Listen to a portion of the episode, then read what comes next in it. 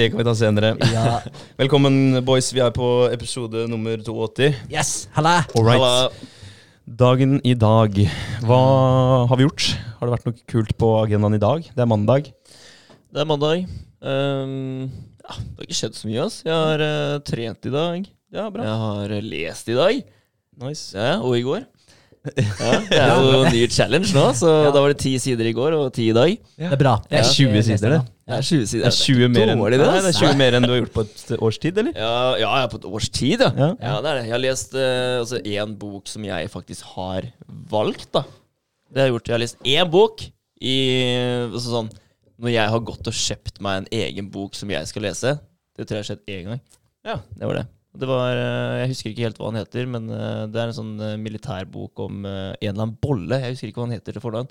En Ja, bolle? Ja, ja. Det er nesten så vi skal, burde søke den opp. Det. Ja, men jeg kan Ja. søke opp bolla fra militæret. Ja, ja, men det Ja. handler om uh, hans tid i Afghanistan og alt som skjedde der, da. Og så døde han jo i uh, i, i aktiv tjeneste. Da, Trond André Bolle? Trond André Bolle, ja. Stemmer. Ah. Ja. Jeg så for meg en bolle som man spiser, når du sa akkurat det her. Ja, nei, men eh, den, er, den var kul, da, fordi jeg var i Forsvaret når jeg kjøpte den. Så jeg Ja. klarte liksom å relatere til eh, mye av det, og orda du brukte, og uttrykka du brukte. Så det var kult å lese den da. Det er litt sånn som folk eh, som ser på, på um, han derre Dagotto og Kompani Lauritzen. Jeg tror my, mange som har vært i militæret, sitter med en sånn derre relasjon og en eller annen sånn ah, eh, Hva skal man kalle det? Man sitter og har en sånn nostalgisk følelse, egentlig. Ja, du Jeg kjenner deg igjen jeg kjenner, ja, jeg har alltid sånn sitt, Når jeg har sett noen episoder, så sitter jeg alltid sånn og bare Fy faen, det der gjorde jeg òg. Men jeg gjorde det mye Det var mye verre når jeg gjorde det. mye verre. Nei da. Men eh, ikke meninga å spøke rundt Bolle, for han døde i eh, juni 2010 i Afghanistan. Ja. Hvordan døde han, du som har lest? Hva heter eh, boka igjen, da? Det er jo et godt spørsmål. da. Han ga ut den før han uh, Før- Strøk med regner jeg med, eller hvis det er han som, er, det er han som har skrevet den? Eller? Det er vanskelig å Nei, gi jeg tror, jeg tror det er eh, kona som uh, Som var der, da? Jeg Ja, er husker det, ikke helt, jeg. det er biografi om han. Ja.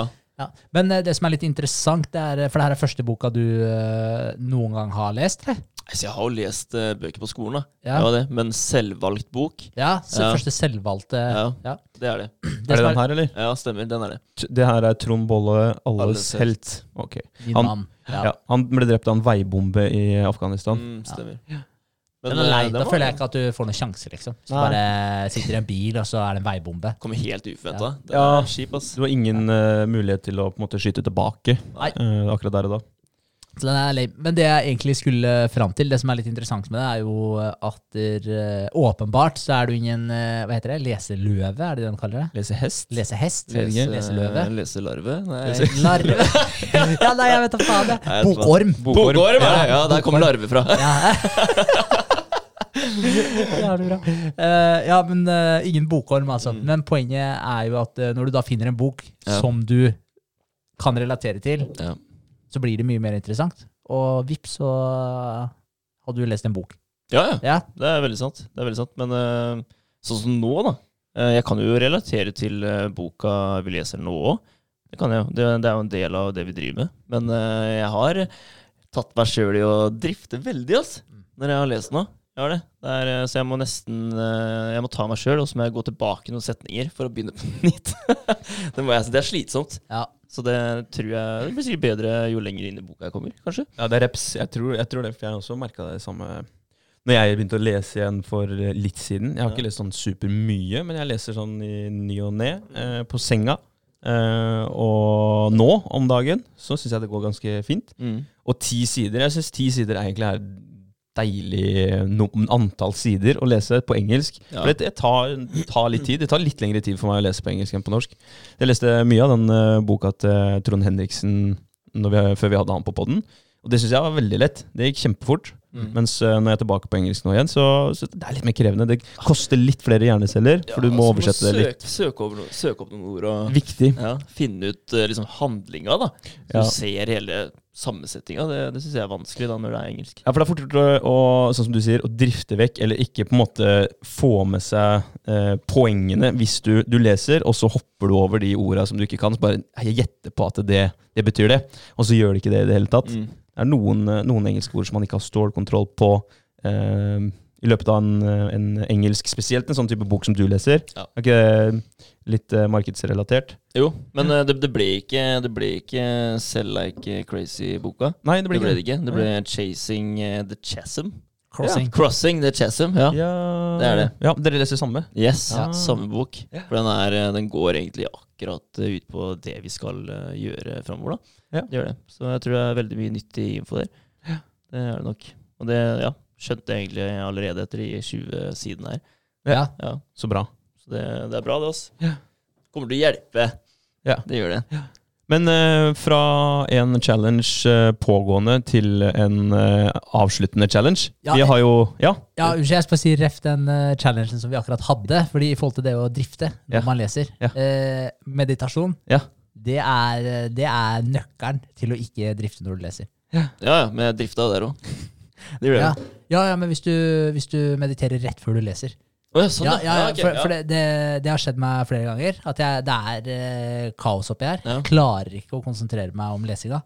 Og, og da er det det jeg hopper ut, og så må jeg spole tilbake noen setninger, lese det på nytt, og du kan lese samme avsnittet fem ganger, og du har fortsatt ikke fått det med deg. Typ. Det. Så, men når det er så ille for meg, så setter jeg meg faktisk og mediterer i fem minutter. Mm. Og setter meg ned og leser etterpå, da. Og da er det ikke helt stille, men det er nesten helt stille. Mm. Da, da hopper jeg ut eh, sikkert ja, en tiendedel av det jeg eh, sikkert eh, ville gjort eh, vanlig. da. Bare av de fem minuttene. Så det er, det er sånn superverktøy for å faktisk klare å konsentrere deg når du leser. Ja, ikke sant? Ja, ja, men det er jo helt klart eh, noe som må testes, det, da. Ja, ja. Ja, Men når, når, er det. det, når er det du leser det? På Eh, dagen? Ja, altså det, det varierer litt. Grann. Nå, eh, vanligvis har jeg egentlig lest mest i helgene, men Mm. uh, nå så, så ble det liksom i går kveld, og nå kommer det til å bli i kveld Mm. nå også. Uh, så, så da blir det egentlig litt på kvelden. Men i Ja. helgene så liker jeg veldig godt å lese litt på, på formiddagen. Ja. Så Da blir det i senga, eller? Uh, Nei, i helgene? Nei, nå. Ja, nå? I kveld. Ja, det er et godt spørsmål. Ja, brått. Brått. For da Det kommer litt an på madammen også, om hun eh, sover eller eh, ikke. Men det gjør hun ikke i kveld, så kanskje jeg bare skal ta og lese på senga. Ja. Ja. Utrolig fin måte å få vekk telefon på, da. Mm. Det er. Ta Ja, ja. boka isteden. Det er eh, et verktøy for å spare øynene dine litt grann, eh, på, på kvelden. Slippe, slippe det der blå, Blå, lyset ja. som de Ja. snakker så mye om. Og, og det er litt det du har snakka om tidligere også, André, i forhold til at du, systemet ditt, når du ser det lyset, så tror systemet ditt at nå er det midt på dagen, og Mm. du skal være våken. Så det blir jo stikk motsatt av den uh, søvnige effekten som du egentlig skal ha. Mm. Det stemmer. Så bok er bra. Det er bra. Bok er bra. Bok er bra. Ja. Ja, vi får se. Ja. Hvordan har det gått med meditasjon, da? Når vi var litt over på det? Ja, vi var jo over på det. Fra en challenge til en annen. Er det, er det gode samvittigheter rundt bordet her? Sånn passe. Passe? Ja. ja. Altså, sånn helt passe. Jeg kan, jeg kan starte. Jeg, jeg feila på to dager. Ja. To av 30. Så da gikk det faktisk helt i glemmeboka. Ja. Den ene dagen så skulle vi ut på, på byen. Og da gjorde jeg det ikke før jeg skulle ut. Glemte det. Og du kan jo banne på at jeg definitivt ikke gjorde det når jeg kom hjem fra byen. Så, så da Nei, så da gikk det i glemmeboka, så det var kjipt. Da, det var første. Og så andre så hadde jeg også glemt det før noen sånne møtegreier jeg skulle på på kvelden. Og så eh, Ja, og da glemte jeg det bare helt bort jeg kom hjem, rett og slett. Ja. Så ikke, ikke 100 eh, suksess på den, skal jeg ærlig drømme. Jeg er litt, eh, litt usikker, egentlig, på hvor mange, mange det er. Men eh, jeg føler jeg har vært Nei, nei, absolutt ikke. Absolutt ikke. Altså, det har gått ganske bra, altså. Det har det. Ja, ja. Og jeg føler jeg har vært flink til å følge det opp, men jeg har gluppet noen dager. Det har jeg. Eh, og så har jeg bare kjørt eh, ti minutter. Da. Ja. Det har jeg ikke. Jeg har ikke kjørt noe lenger enn det. Hva har dere det? Nei, jeg har kjørt ti minutter, jeg òg. Ja, jeg, jeg har kjørt de dagene hvor det på en måte Hvor jeg vanligvis ikke ville ha meditert, så har jeg kjørt ti minutter. Mm. Men når jeg har vært i rutinene mine på, på hverdagene, så har jeg kjørt 20. Mm. Ja. det har vært litt fram og tilbake. Ja. Ja. Eh, Det er åpenbart eh, veldig mange gode, gode effekter av å meditere, og jeg merker jo de dagene hvor jeg har fått det til, og jeg, jeg kan tippe sånn to av tre eh, Ja, to tredjedeler av eh, måneden har jeg fått til, sånn rundt der. Jeg har ikke tallet jeg heller. Sånn røftlig 20. Det var jo overraskende dårlig, da. altså, hallo. Der fikk vi endelig bruk for den. Ja, Ja, ja. ja. Det var skikkelig ræva. Og ja, jeg kjenner at jeg, det gjør litt vondt, fordi challenger er jo egentlig noe vi eh, Altså, det, det, det- sitter Det sitter ganske høyt Ja. i poden. Så um, lese hver dag i eh, 31 dager, da. Ja. Ja. Det er ikke noe bullshit der nå. Hva skjer Nei. med, Hvorfor tror dere at vi feila på den her, liksom? Ja, det er det lett... klart alle. Det er det Ja. letteste. Jeg vet ikke, jeg tror det er eh, Ja, jeg vet faen, jeg. Jeg tror bare Tatt lett på det? Jeg tror Ja, kanskje det. Veldig. Ja, jeg, Veldig. jeg tror det. Um, men de 20 gangene, da, de uh, har vært veldig bra. Ja. Uh, det har de. Hva f- føler du, Vegard, som uh, er relatively new to meditation? Nei, Jeg, synes, det- jeg, jeg har tatt det litt som en sånn uh, avslapningstid, da.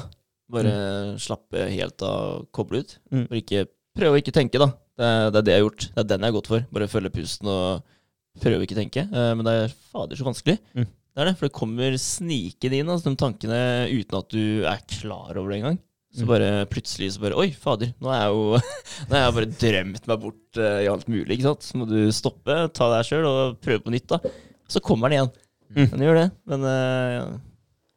har det blitt bedre? Uh, godt spørsmål. Det vet jeg ikke helt. Men klarte du å merke noe åpenbar forskjell akkurat den dagen du fikk meditert? Jeg, Eh, tror- ja, jeg, tror, jeg, tror jeg, har blitt, eh, jeg tror jeg har blitt flinkere til å ta meg sjøl i at tankene kommer. Mm. Tar det raskere da enn det jeg gjorde i starten. Det tror jeg. At der, eh, jeg ikke drifter så lenge som det jeg gjorde første dagen. Men det er bra. Det Det er bra. Ja. Ja, for det, det er jo viktig å få det litt som en del av seg, hvis man skal eh, på en måte få noe stor effekt ut av det. For det, det er jo som med alt annet, det krever trening. Og det er eh, altså hvor ofte skal man meditere, og hvordan, hvor lenge Det er mange spørsmål, eh, spørsmål her. Mm. Um, jeg tenkte vi kunne snakke litt mer om det. I og med at jeg gjorde det så ræva, så har jeg funnet ut at jeg må, jeg må dypdykke litt inn i meditasjon. Finne uh, måte grunnen uh, til hvorfor jeg skal, skal skjerpe meg da, og meditere hver dag i en periode. For det er jo mange, mange sånne små forsøk og, og studier som har blitt gjort der ute, som tar en gruppe mennesker over syv dager, over 30 dager, og så har de en kontrollgruppe og en gruppe som mediterer, og man ser ganske, ganske store forskjeller. Så det er litt interessant. Det, um, så det har jeg litt lyst til å snakke med dere om i dag, da. Fordi jeg gjorde det så ræva, så tenkte jeg at da må jeg ta, da må jeg ta den. Ja, men kult. Jeg er spent, spent, er på, spent på det. Ja, Ja. Så bra. Eh, hva er meditasjon da, gutta? Vi har jo snakka mye om det. Um, og så jeg, jeg, jeg har lest en litt overalt, egentlig, på, på det um, temaet her. Og eh, en kul eh, sammenligning Det er ikke en det er ikke forklaring, det er ikke eh, en eh, definisjon på det latinske ordet meditasjon. Eller det det er eh, sprunget ut fra. da. Meditasjon er det norske, men det er et latinsk ord også. Men det var en, eh, en som sa at um, du har et ord som heter medication, som er på en måte eh, behandling av Det er ikke på en måte engang. Det er behandling av sykdom i kroppen. Mm. Og så har du da meditation, som er behandling av sykdom i, eh, i sinnet, da, eller i, i, eh, i, psyken. Mm. Så det syns jeg var en kul, eh, kul forklaring på det. Mens uh, i praksis så er det at det er en mental praksis, hvor du retter oppmerksomhet eh, mot en ting, en følelse eller en kroppstilstand. Eh, og det er mange, mange måter å meditere på. Vi skal gå gjennom noen av de. Mm. Uh, og så er det en samlebetegnelse for eh, systematiske, anvendte psykiske og kroppslige øvelser. Så det er, det er ting som er satt i et system for å uh, endre din sin, sinnstilstand, da. Mange mediterer med en hensikt. Ofte er hensikten at noe skal bli bedre. Ofte. Man har eh, mål om velvære, fysisk eller mental eh, velvære. Og da en økt eh, kapasitet i hjernen er det veldig mange som higer etter. Da. Og det ser vi både i det moderne samfunnet, i forhold til dudes som oss, som sitter her og har lyst til å bli litt bedre og øke kapasiteten vår, men også tilbake i, i tid, da, fra mange tradisjonsrike religioner Mm. og kapasitet i forhold til sin forståelse over eh, det store, da. Eh, over eh, det guddommelige, eller enhetene. Fett. Ja. Men eh, hva var deres eh, hensikt når dere mediterte nå? Min hensikt, det var nok eh, order in the chaos, Ja. egentlig. Eh, det var min hensikt. Å eh, prøve å roe ned tankene på veien. Ikke fjerne dem, men bare sørge for at det ikke kom så mange på en gang. Og at de kom litt saktere gjennom. Ja, ja. For ofte så kommer de inn, og de står gjerne i kø og banker på, og så vil de kjempe om plassen. Og da får du ikke tid til å måtte sekulere ut, eller um, ta hånd om de tankene da, som, som kommer. Føler jeg. Hvor, hvor mange tanker var det vi hadde igjen om dagen? Kommer jeg litt 70 70 000 eller sånn? ja, det, altså det er jo mellom 15 og 80 000, så snitt på sånn rundt 60. Okay. Ja, så avhengig av hvor, eh, enten hvor stressa du er, eller hvor, mange, hvor, eh, hvor høy kapasitet du har da, til tanker. Så nei, det er ganske spennende. Det er det. Ja, det er. Og det her er jo eh, noe jeg eh, også tenkte mye på i forhold til den poden her òg. Og så tenkte jeg eh, det må være et eller annet antall eh, tanker og andel av de.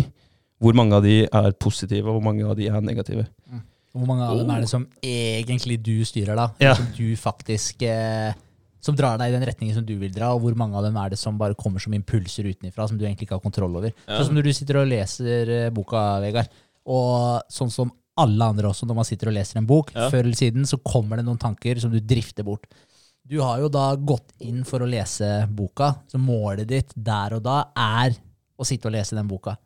Men så kommer det en tanke og avbryter deg. Og den tanken er ikke noe du har bedt om å tenke på, så den forstyrrer jo Mm. målet som du har satt deg fore, altså å lese den boka. Ja, Så hvor mange sånne da er det man har i løpet av dagen? Uten, utenom når du setter deg bare og leser en bok, men Mm. generelt når du går rundt, og hva er det som drar deg i riktig retning? Mot målet, hva er det som styrker deg, hjelper deg framover, og hva er det som stikker kjepper i hjula for deg, drar deg i motsatt retning? Det hadde vært eh, utrolig fett å faktisk få svar på det. Altså. Altså, hva er det mest av? da? Er det negative tanker i løpet av en dag, eller er det positive tanker? da, som... uh... Ja, men Det er faktisk et svar på det. Altså Hvis du tenker at du har ca. 60 000 tanker, eh, så er eh, 80% av dem negative. Sjukt. Er det sant? 80% altså. Som prøver å dra deg litt ned og jekke deg ned, eller bare trykke deg ned. Men det verste er at jeg er ikke overraska. Nei. Nei. Ja, det er helt sykt. Eh, og jeg, eh, jeg tok en liten test eh, for meg sjøl i stad, mellom slaga. Mm. Det er en perfekt dag å gjøre det på. En mandag hvor det er mye som skjer. Det er full, full schedule hele dagen. Så mellom jobb og, og opptur, da har jeg ca. en time. halvannen, kanskje. Og etter å ha fått i meg litt måltid, så satte jeg med det. Tok jeg på en timer, fem minutter. Og så satte jeg med den boka her. Og så skrev jeg alle tankene jeg hadde i løpet av fem minutter. Oi. Og, bare, ja, og det, er, eh, det er ganske vanskelig. Det er en eh, krevende for hvilke tanker handler om at jeg tenk, skal tenke på noe, Ja. og hvilke handler, handler om at jeg ikke skal tenke på noe. Mm. Altså, Du blir litt forstyrra når du sitter sånn der. Og så, og så er det et paradis som er sånn Nei, nei, faen, det kan jeg ikke skrive. ned». ja. Sette filter på seg sjøl. Men der hadde jeg ikke noen av de grove, heldigvis. Jeg tror faktisk underbevisstheten min klarte å filtrere for meg. Men eh, av, de, altså, av de, da, så er det overraskende mange negative. Eh, sånn, for det er det som, det, det som faller lettest inn til deg, da, det er jo ting du reagerer på, og ikke ting du er aktivt eh, ute for å eh, Eller inne, da, for å, å få frem. Det er jo reaksjoner som regel som eh, kommer fra det ytre, og som har en lettere vei inn i hjernen din Mm. enn det positive ting eh, har. Mm. Så jeg, jeg kan lese opp uh, av de ti Jeg tror det var elleve. Elleve eh, tanker som var skrevet litt sånn forkorta, da. Eh, for det er jo en sånn indre dialog som jeg hadde med meg sjøl da, i, i løpet av de fem minuttene. Jævlig fett at du gjorde det. ass. Ja, det er, og det er overraskende eh, eh, veldig lite, syns jeg, da, på fem minutter. Fem minutter føltes ganske lenge der og da. Men da, jeg, da, har jeg, da satt jeg på stuebordet, og så lukka jeg øya, og så hver gang det kom en tanke, så skrev jeg den ned. Så da har jeg skrevet det her. Det er stikkordsformat. Blafrende presenning er irriterende. Og det er den blafrende presenning foran, foran huset, da. Uh, jeg har litt vondt i høyre korsrygg. Har egentlig litt dårlig tid. Um, jeg er tett i nesa. Uh, det er aldri helt stille rundt meg. Um, det er veldig irriterende med presenning. Der kommer det igjen. ikke foran der. Uh, tror jeg er litt ubevisst over hvor mye uh, påvirka jeg er av koffein. Da kjente jeg jeg fikk en sånn liten restless eh, leg-tendens på, på beina. Da snakka jo kroppen og hjernen litt sammen. Og så kommer den positive, da. Det her er faen meg en god øvelse. Så da anerkjente jeg i hvert fall at jeg gjorde noe bra. Så av da 1, 2, 3, 4, 5, 6, 7, så har vi én positiv så langt. Eh, snakker alle med seg selv i hodet mens de skriver? Altså live diktering? Spørsmålstegn. Fordi det, jeg, mens jeg skrev det her, da, så følte jeg at jeg sa det jeg skrev. Så tenkte jeg ok, men er det sånn alle gjør det, eller er det bare et fåtall som gjør det her? Nei, det tror jeg jeg gjør. Jeg kan Ja, bekrefte at jeg gjør det. Du gjør det? Ja. Eh, jeg leter etter positive tanker. De må fremprovoseres. Det krever mer. De er reaktive, kritiske. De reaktive og kritiske faller plutselig og ganske enkelt inn. Mm. Så da fikk jeg den. Det var fem minutter med aktiv tenking, da. Eller tenking. Sjukt. Det er ganske rart. Ganske rart. Du matcha jo statistikken nesten eh, spot on. Ja, Eh, 80-20-ish. Ja, men ja. var ikke langt ifra. Hvis du hadde elleve tanker der, og du hadde én positiv, så hadde du til og med Nei, det er to sånn, Den ene siste Ja. her var jo litt sånn Jeg leter etter positive tanker, og så de må framprovoseres. Var jo litt Ja, okay, sånn ja, den er litt positiv. Ja, den er okay. jo ja, et snev av positivitet i seg. Den er ikke negativ, i hvert fall. Nei, men da matcher jeg i hvert fall eh, 80-20 ganske bra. Ja. Ehm, og så var det en veldig merkelig, veldig merkelig øvelse. Men jeg anbefaler at folk gjør det for å bli litt mer bevisst på akkurat det. Så du Ja. kan se hvordan det ser ut i en liten sånn short story. Ja. Det, um, det var ikke verdens eh, mest interessante short story, men eh, ga meg en eh, liten sånn Aha, kanskje jeg skal prøve å ikke bli så provosert av enkle ting. Mm. Eh, ikke det at jeg satt og irriterte meg grønn over det, men det var ting som jeg, jeg la merke til, da. Som jeg kanskje egentlig ikke burde tenke så mye over. Men det er jo kanskje altså, når det er en ting som irriterer deg litt, og så er det 14 ting som irriterer deg litt, så er det ganske irriterende til slutt. Ja, Det er klart det. Det, blir jo, ja, det samler seg opp til den bomba di. Ja, det gjør jo litt Ja. det. Så, så det er jo kanskje greit å tenke, selv om det ikke er så eh, Eller selv om man ikke irriterer seg så mye over det, så irriterer man seg jo fortsatt over det. Mm. Det trigger jo en eller annen negativ eh, følelse. Ja, ja, absolutt. Irritasjon. Ja. Så man burde jo uansett kanskje prøve, da, etterstrebe å ikke ja, reagere. Det er jo det man gjør. Man reagerer. Ja. Mm. Mm. Faen, vi bare går, vi går og bader i negative tanker hele dagen, Ja. Mm. Sauser inn hjernen, marinerer Ja. hudet ditt i negativitet. ja, det gjør det. Og det, er jo det her du på en måte vil motvirke, da, den negative, det negative vannbadet oppi i hjernen, med å meditere eller ha en, et bevisst forhold til hvordan du tenker. For det er jo, Eller hva du tenker, det er jo ikke alltid du kan styre det, men hvordan behandler du de tankene som kommer inn? da? Mm. Mm. Hva gjør du med de? Tar du vare på det, eller kaster du de, selekterer du de ut? Så det er jo Det er, jo- det er jo en, en av de tinga man kan uh, bruke meditasjon eh, til. Og, og endre litt på den uh, fordelinga, den skjevfordelinga med 80-20. Ja. Mm. Det, men ja, det, som, det som er litt viktig å tenke på også, er jo at der, når du går og tenker i de mønstra her eh, Kroppen din og sinnet ditt har jo lyst til å automatisere alt som er. Så, Mm. Sånn er det jo bare. Eh, det er jo sånn vi er laga. Eh, eh, og, og måten den gjør det på, er jo at den Ja, du skaper de banene. Mm. Det nettverket i hjernen. Så Ja. neste gang som du trigger den effekten her, så vet på en måte systemet ditt at da skal det her skje etterpå. Mm. Eh, og, og den vil jo alltid automatisere det for å gjøre ting enklere for deg. Fordi den ting som du gjør om og om og om igjen, den vil jo ikke til slutt uh, Altså det er unødvendig å bruke masse energi på å tenke bevisst på det, så derfor blir det en ubevisst handling Mm. som egentlig bare ligger i systemet ditt. Så etter hvert så tenker du ikke over de tingene engang, men det er bare kroppen din og sinnet ditt som reagerer, fordi det er Du har et uh, Du har, hva skal jeg si, uh, danna deg det mønsteret, eller opparbeida det, det mønsteret. Og jeg har hørt en statistikk på det, eller altså noe tall på det, eh, for det er jo forska på. Eh, 95% av deg, når du er 35 år gammel, er rutiner, innarbeida mønstre etc., etc., som du ikke er på en måte som du ikke har bevisst kontroll over lenger. Som bare har blitt mønstre i deg. Så du går egentlig som en sånn der, eh, liten Robot. robot. Mm. Ja, det, er et, det er et program som du har laga. For det er du som har gjort alle disse handlingene, selv om selvfølgelig miljøet har vært med og påvirka deg i en stor grad. Eh, og hvis du ikke har vært bevisst på det her tidligere, så er det veldig mye miljøet som former deg. Men, så du går og kjører en software egentlig hele tiden, og den styrer 95% av alle handlingene dine hele døgnet ditt. Så du har 5% som du på en måte Ja, det her er sikkert snittet, da, jeg, jeg vet ikke. Eller bare sånn, ja, den typiske personen. 35 år gammel, så er det 5 da, som du styrer Har et bevisst kontroll over. Så, og der kommer den meditasjonen definitivt inn, da, som Mm. du er inne på, André.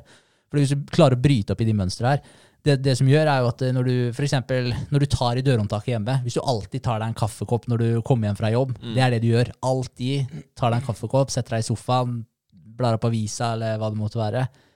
Med en gang du tar i det dørhåndtaket når du kommer hjem fra jobb, så begynner kaffesuget å komme. Og, og du Fordi ja, du reagerer, ikke sant? Du har begynt å gjøre det her til en automatisk eh, greie. Så, så triggeren er at du tar i håndtaket, og resten som følger etter det, det er bare en sekvens som er utarbeida. Akkurat som yes. du står opp om morgenen og sånn nå, du står opp på samme side av senga, du har klærne dine på samme sida, du, du går akkurat den samme avstand til badet.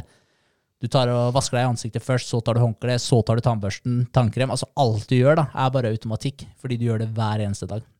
Så, så 95% da, er bare sånne typer rutiner, mønstre, som du reagerer på. Altså du, du gjør det i sekvenser, så det ene følger det andre hele tiden. Det er litt sjukt å tenke på. Og når du da mediterer, og du klarer å bryte opp i det her, fordi da, eh, da forsvinner du jo fra tankene, og klarer å være mer i nuet.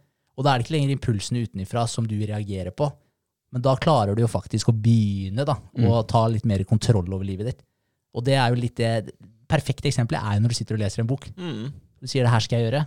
Nei, nei, nei, det her skal ikke du gjøre. Du skal gjøre alt mulig annet og tenke på alt mulig annet. Mm. Nei, det er det her jeg skal gjøre. Så du må jo øve på det. Hele tiden jobbe med det, ja. Ja. Mm. Det er også derfor det må, må være så jævlig vanskelig å slutte å snuse òg, da.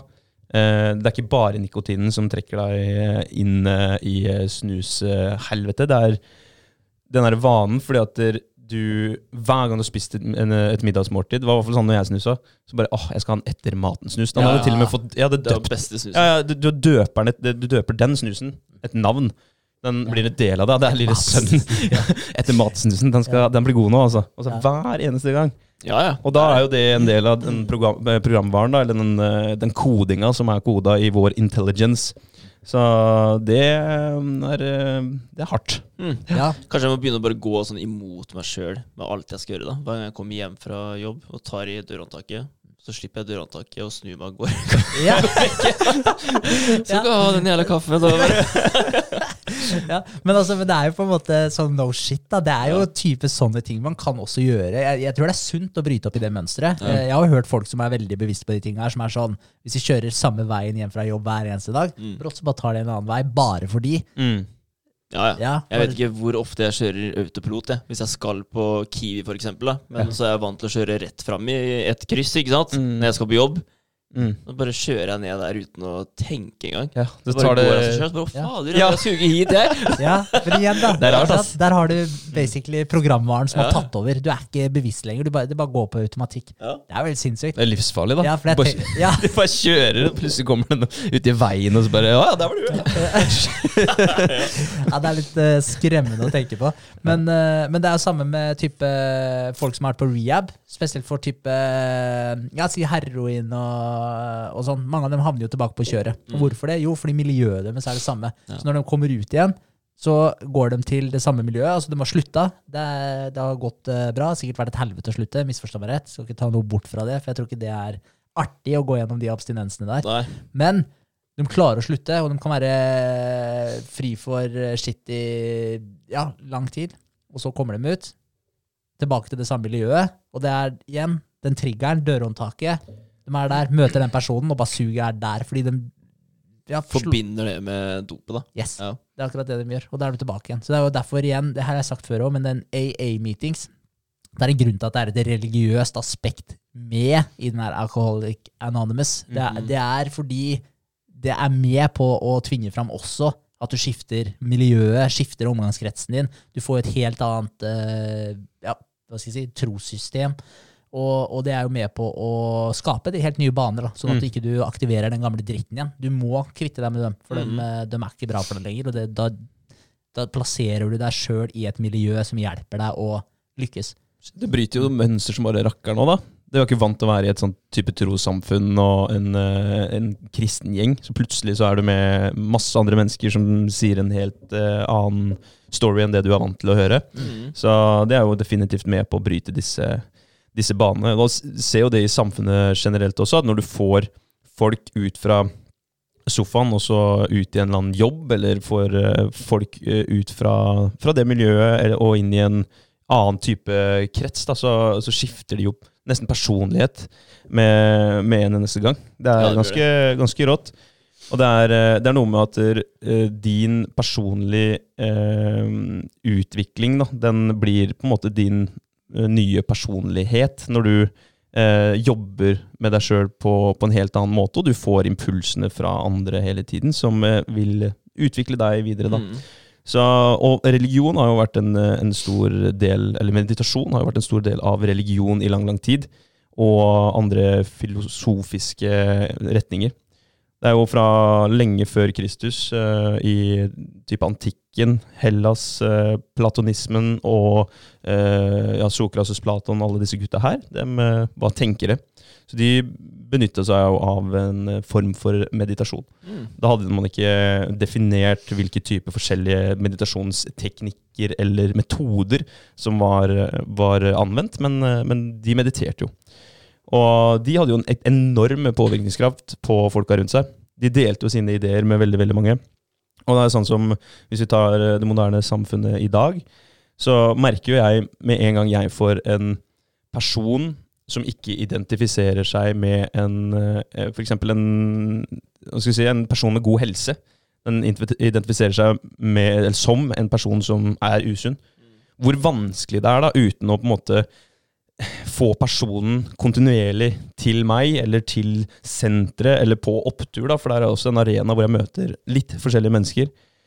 Men hvis jeg bare ser dem én gang eh, på kanskje Ja, si jeg har dem to ganger da, på, i løpet av to måneder, så er det veldig vanskelig å få til en eller annen endring i atferd og, og ja, mønster. da. Så det, det, må, det må skje noe mer. Man må på en måte få hjelp til å bryte enkelte mønster. Se på, på sterke jenter, den gruppa som er på, på nivå. Der er det jo på en måte, Der kjøper du en pakke som ikke koster altfor mye. Eh, for det første så må du bruke penger på et eller annet. Det setter jo en verdi på det, og det forplikter litt mer for deg sjøl. For nå, nå har jeg brukt penger på det greiene her, det her skal funke. Eh, og for det andre så har du to obligatoriske oppmøter. Eller obligatorisk er det jo ikke, men det forplikter litt. Du har betalt, og du har noen som forventer at du møter opp. Så du kommer da to ganger i uka i seks uker, og da plutselig har det blitt eh, til en kontinuerlig greie for deg. Og du kanskje identifiserer deg som en sterk jente, da, for du er med på det kurset her. Mm. Det er jo helt fantastisk, og det er det vi har sett på den første gjengen nå. At rutina har blitt til at de møter opp på egen hånd ved siden av eh, disse eh, fellesøktene. Da. Så det skal veldig mye til for å endre mønster. Man må som regel ha hjelp av noen rundt seg. Eh, både hvis man er litt oppsøkende hjelp, men kanskje også hvis man er heldig, hvis man har sånn som, eh, som jeg og dere har, at man har folk som er, er rundt og vil hverandre godt, så, så klarer man med, det, med den hjelpa også. Så det er, eh, det er eh, det moderne varianten av denne påvirkningskraften til de forskjellige miljøene. Da. Ja. Mm. Hvor mange dager er det du eh, er nødt til Eller hvor mange dager må du gå før det blir en vane? Og jeg har, hørt litt, jeg har hørt litt forskjellig. Jeg har hørt sånn type, Hvis du holder på med en ting hver dag i 30 dager, da begynner det å bli lettere. Men så har jeg hørt at vanen ikke setter seg før liksom 60 dager. Da kan du kalle det en vane. Og så har jeg Mm. også hørt 90 dager. Så, så jeg vet ikke. Men eh, Så tror jeg det spørs ja. veldig hvor ofte du gjør det i løpet av uka eller dagen din også. ja, definitivt. Det spørs hva slags vane du prøver å, å danne deg. Ja. Hvis du gjør en ting 40 ganger om dagen, Mm. så tror jeg ikke du trenger 40-50 dager. Da kanskje du trenger to-tre uker. Ja, helt klart. Mm. Helt klart. Det er jo litt det med hvis du drar på trening, da, for, for eksempel, eh, og du gjør det ja, fire-fem ganger i uka, da. Så det tar tid før du kommer til stadiet at du får dårlig samvittighet når du ikke rekker treninga. Mm. ja, ikke sant? Da har det blitt en greie. Ja. Eller da har det blitt en del av deg. Ja, ja. Ja. Det, det er ganske kult, fordi det er veldig mange som, som ikke har mål om å bli kanskje verdensmester i, i alt mulig rart. Så de har faktisk bare et mål om å jeg skal komme meg i gang, holde meg i gang. Eh, bremse alderdommen litt. I hvert fall ikke, ikke bremse alderdommen, men, men konsekvensen av alderdommen. Eh, som er at man, altså ting går saktere. Vi mister ca. en muskelmasse i prosent eh, hvert år etter fylte 30 hvis vi ikke eh, stimulerer muskulaturen vår på, på noen annen måte enn å ja, eh, gå fra søppelkassa til eh, huset. Eh, og ja, ikke er aktive med, med styrketrening. Eh, så, men, men det som er litt kult, da, hvis du ikke har eh, noe sånn spesifikt mål, men målet ditt er akkurat det her, bremse, eh, starte på et veldig basic nivå. Altså Det første du gjør, hvis du ikke er vant til å trene, bare kjøp deg et medlemskap et eller annet sted, eller meld deg på et eller annet som gjør at du får en ny arena, for det handler om å komme seg litt ut og vekk og i et miljø. Og så møter du opp. Du trenger kanskje ikke gå mer enn ti minutter på mølla. Eh, Bare møte opp hver dag eller annenhver dag. Og så går du ti minutter, kanskje du begynner å gå 15 minutter, 20 minutter. Men da blir det en del av hverdagen din, og da får du den der eh, rutinen av vanen etter hvert. Altså Hvis du begynner med en drithard styrketreningsøkt og får sjukt eh, støle muskler, så kan det være skremmende for veldig, veldig mange. Men eh, hvis du da bygger deg pent opp sånn som det her, så er du blitt en gjenganger da, på et treningssenter før, eh, før du blir skremt bort. Ja. Det er nok ikke dumt. Absolutt ikke. Eh, For å dra en liten sammenligning også over til eh, ja, en kollega som eh, gikk på veggen. Altså overarbeida, eh, og det bare Ja, klarte ikke mer. Eh, det som legen sa til han, for han var sånn, begynte å komme seg, begynte å bli litt i farta igjen og, og hadde lyst til å gjøre mer, men med en gang han begynte å gjøre litt mer, så ble han svimmel. Og han, han bare fikk ikke gjort noe med det, og det var sjukt irriterende, for han er en pliktoppfyllende type. Han er i 100 ofte veldig yrkesstolthet, eh, vil få gjort greiene sine. Og, det er jo, og du kan tenke deg at han får beskjed om at nå skal du jobbe 30% eller 40% liksom. Og gi en sånn beskjed til en sånn, det er, det er veldig vanskelig når du Ja, da- har noen brems. Går du på veggen? Ja, Ja. Så, så han sleit jo skikkelig med det, og han ble da han, Jeg tror han var sykemeldt i Det må være nærmere jeg, jeg, jeg, Nå sier jeg bare noe, halvannet år. Det må i hvert fall være halvannet Oi. år, og så kom tilbake, eller om det var et år, og så kom tilbake og skulle jobbe 40% eller noe sånt. Starta smått, da. Eh, og han eh, fortalte jo legen at han syntes det var eh, irriterende, fordi han eh, ble svimmel innimellom og sånn. Og det legen sa til den da, eh, for det her går litt opp mot det du egentlig spurte, ok, hvor lang tid tar det å danne en vane? Det han sa til den er at du har basically mishandla kroppen din, da, eller utsatt kroppen din for enormt stress, mer enn du egentlig klarer, i eh, ti år. Mm. Du har, eh, du har fått varsler her og der, men du har ignorert dem og bare fortsatt å pushe kroppen din. Og til slutt så bare skjøtter systemet ditt ned, for det, det bare, du må hvile. Og det er sånn, når du har holdt på i ti år og bryter ned kroppen din på den måten der, så kan du ikke forvente å være bra om, eh, om fem uker. Det er ikke sånn det funker. Nei. Det tar lang tid å komme deg opp igjen. Ja, ja. Og jeg tror det er veldig samme med vaner også. Hvis du har hatt en ting, si snus da, det er en ting du gjør konsekvent hver eneste dag. Du Glemmer, ja, du glemmer ikke snusen din, du gjør det flere ganger om dagen. Den vanen setter seg som helsike, og det er også dritvanskelig å slutte med. Og den sitter i lenge også etter at du har slutta. Så ting som du gjør ofte, hver eneste dag, over lengre tid, jo lengre du holder på med det, jo verre er det å slutte, fordi du sementerer de banene, blir da sterkere og sterkere. Mm. Jeg liker å se det for meg at man setter et strek på et ark, eller at du bare bygger opp en ting. Så for hver rep da, som du tar med den, si at du har ispinner, eksempel, uten isen, bare ispinnen, Ja. og så legger du, stabler du med en, høy- eh, i en stabel. da. Så se for deg hver dag du snuser, eksempel, så legger du en pinne oppå der. Og så ser du for deg etterpå, når du skal slutte, hver dag du skal slutte å snuse. Du tenker deg den høye stabelen du har med ispinner på ene sida, og nå skal du prøve å motvirke den på, på andre sida. Det er klart, du må jo et stykke opp da, før du i det hele tatt klarer å ha noen effekt. Det er klart det. Så, ja, så, så, så, så liker jeg å tenke på det, at bare repsa dine, da, de, de stacker seg opp. Og jo høyere den stacken blir, jo verre er det å bli kvitt den vanen etterpå. Mm. Ja. Men jeg må bare si at eh, jeg ble overraska over at eh, han legen kom med et sånt svar til han. At det ikke bare var ja, du skal få resept på noen piller her, liksom, og så Ja. hjelper det. At den faktisk kom med konstruktivt godt svar til han duden. Ja, jeg tror jo jeg tror det er vanskelig når det kommer til utbrenthet. Når Ja. bare systemet ditt har skjøtta ned på den måten, så tror jeg det er vanskelig å bare gi deg en pille og si 'spis den her, så blir du bra'. Ja, men det er liksom litt den typiske, de få, ja. typiske greia, da. Det er mm. det. Parag ja. hva heter det, Paragin forte, så er du good to go. Eller litt ja. smertestillende. Ja, Skjule symptomer, Ja. fikse rotårsak. Men Yes. apropos så alderdom, da. eh, er ikke meditasjon eh, veldig bra der? Ja, ja, klart det. Altså, det er jo, øh, vi har jo um, en plastisk hjerne, som jeg snakka om tidligere. Så det sørger jo for at ting, ting holder seg Altså, du har jo disse Dere kan snakke litt om det, jeg har tenkt å ta det litt senere. Vi har disse hjernebølgene, Mm. eh, blant annet. Eh, og så har du mange, mange forskningsartikler og studier som går på immunforsvar. Og så har vi hjerte, hjerte- og karsykdommer. Eh, og så har vi eh, Ja, egentlig mye forskjellig vi kan prate om når det gjelder meditasjon. Men ta, ta immunforsvaret, da, blant annet. Der er- var det en studie som var kjørt i jeg lurer på om det var 2007, hvor de tok eh, en eh, gruppe mennesker, eh, en kontrollgruppe og en gruppe mennesker som skulle meditere. Mm. Så kontrollgruppa skulle ikke gjøre noe annet enn bare å ta en eh, influensavaksine, var det. De skulle se hvordan immunforsvaret responderte. Og de som hadde da meditert i åtte uker, hadde vesentlig høyere effekt av influensavaksinen. Det vil si at immunforsvaret opererte bedre i etterkant, både rett etter og etter fire måneder. Så, så det var jo tydelig Fire måneder, ja. fire, fire måneder etterpå. Det, hvor lenge mediterte de?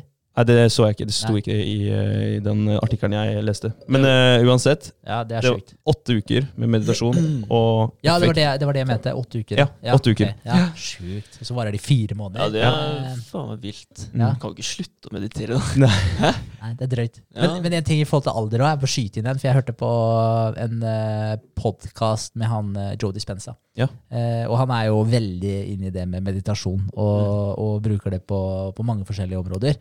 Og han snakka om uh, Er det telomerer det heter? Mm. Ja, Disse, disse håra på DNA-et som egentlig forteller den biologiske alderen din.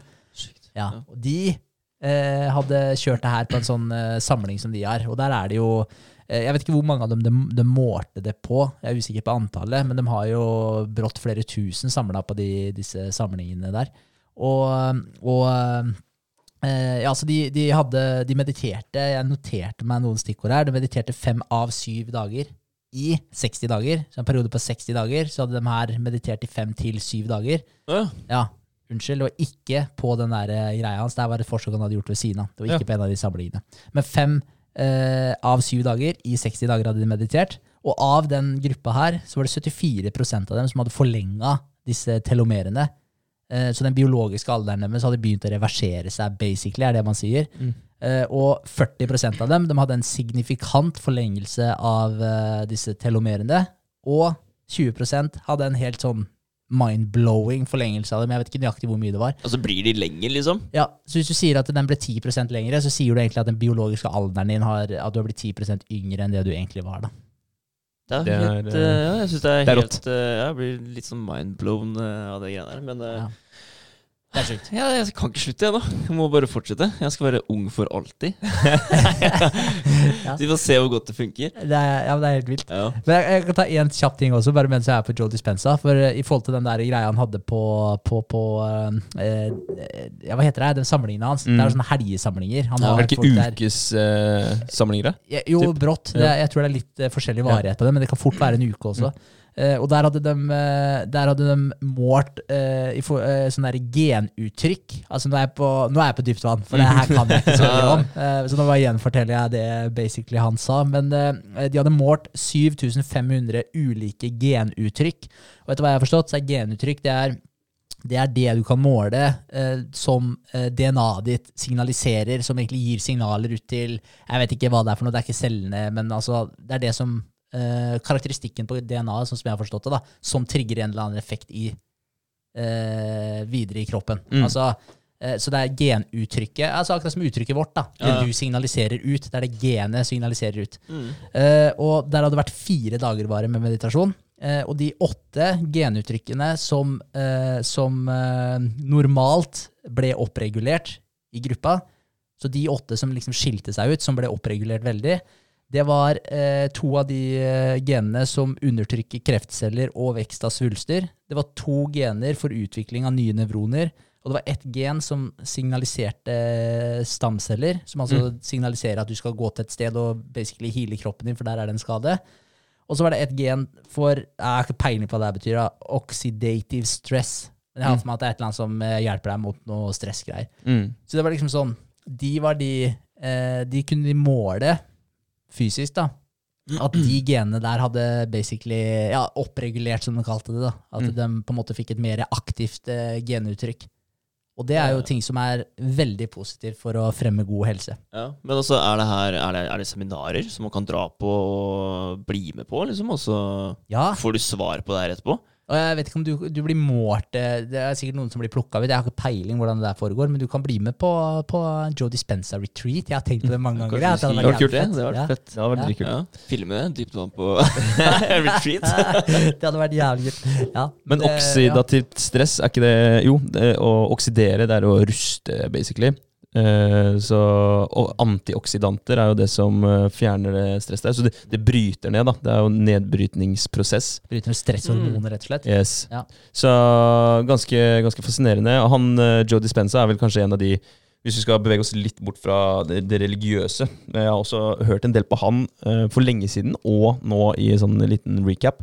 Men han er jo en av de som i moderne tid jobber med litt mindre Eller demystifisering av meditasjon, kanskje.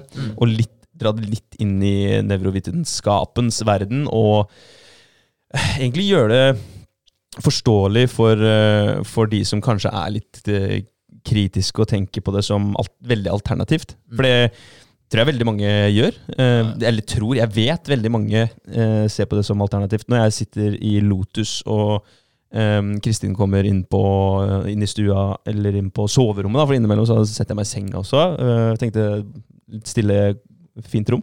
Eh, så får jeg, jeg får noen sånne rare blikk. Eh, jeg klarer jo ikke å la være å Nei, så det er ikke det tredje øyet som ser. Det jo, jo, det er det tredje øyet. Det er det det er. Det er det hun ikke vet, vet du, for det får jeg jo, ikke sant? Yogi André. Ja, ja. Ja. Du bare hører det jo sånn åh.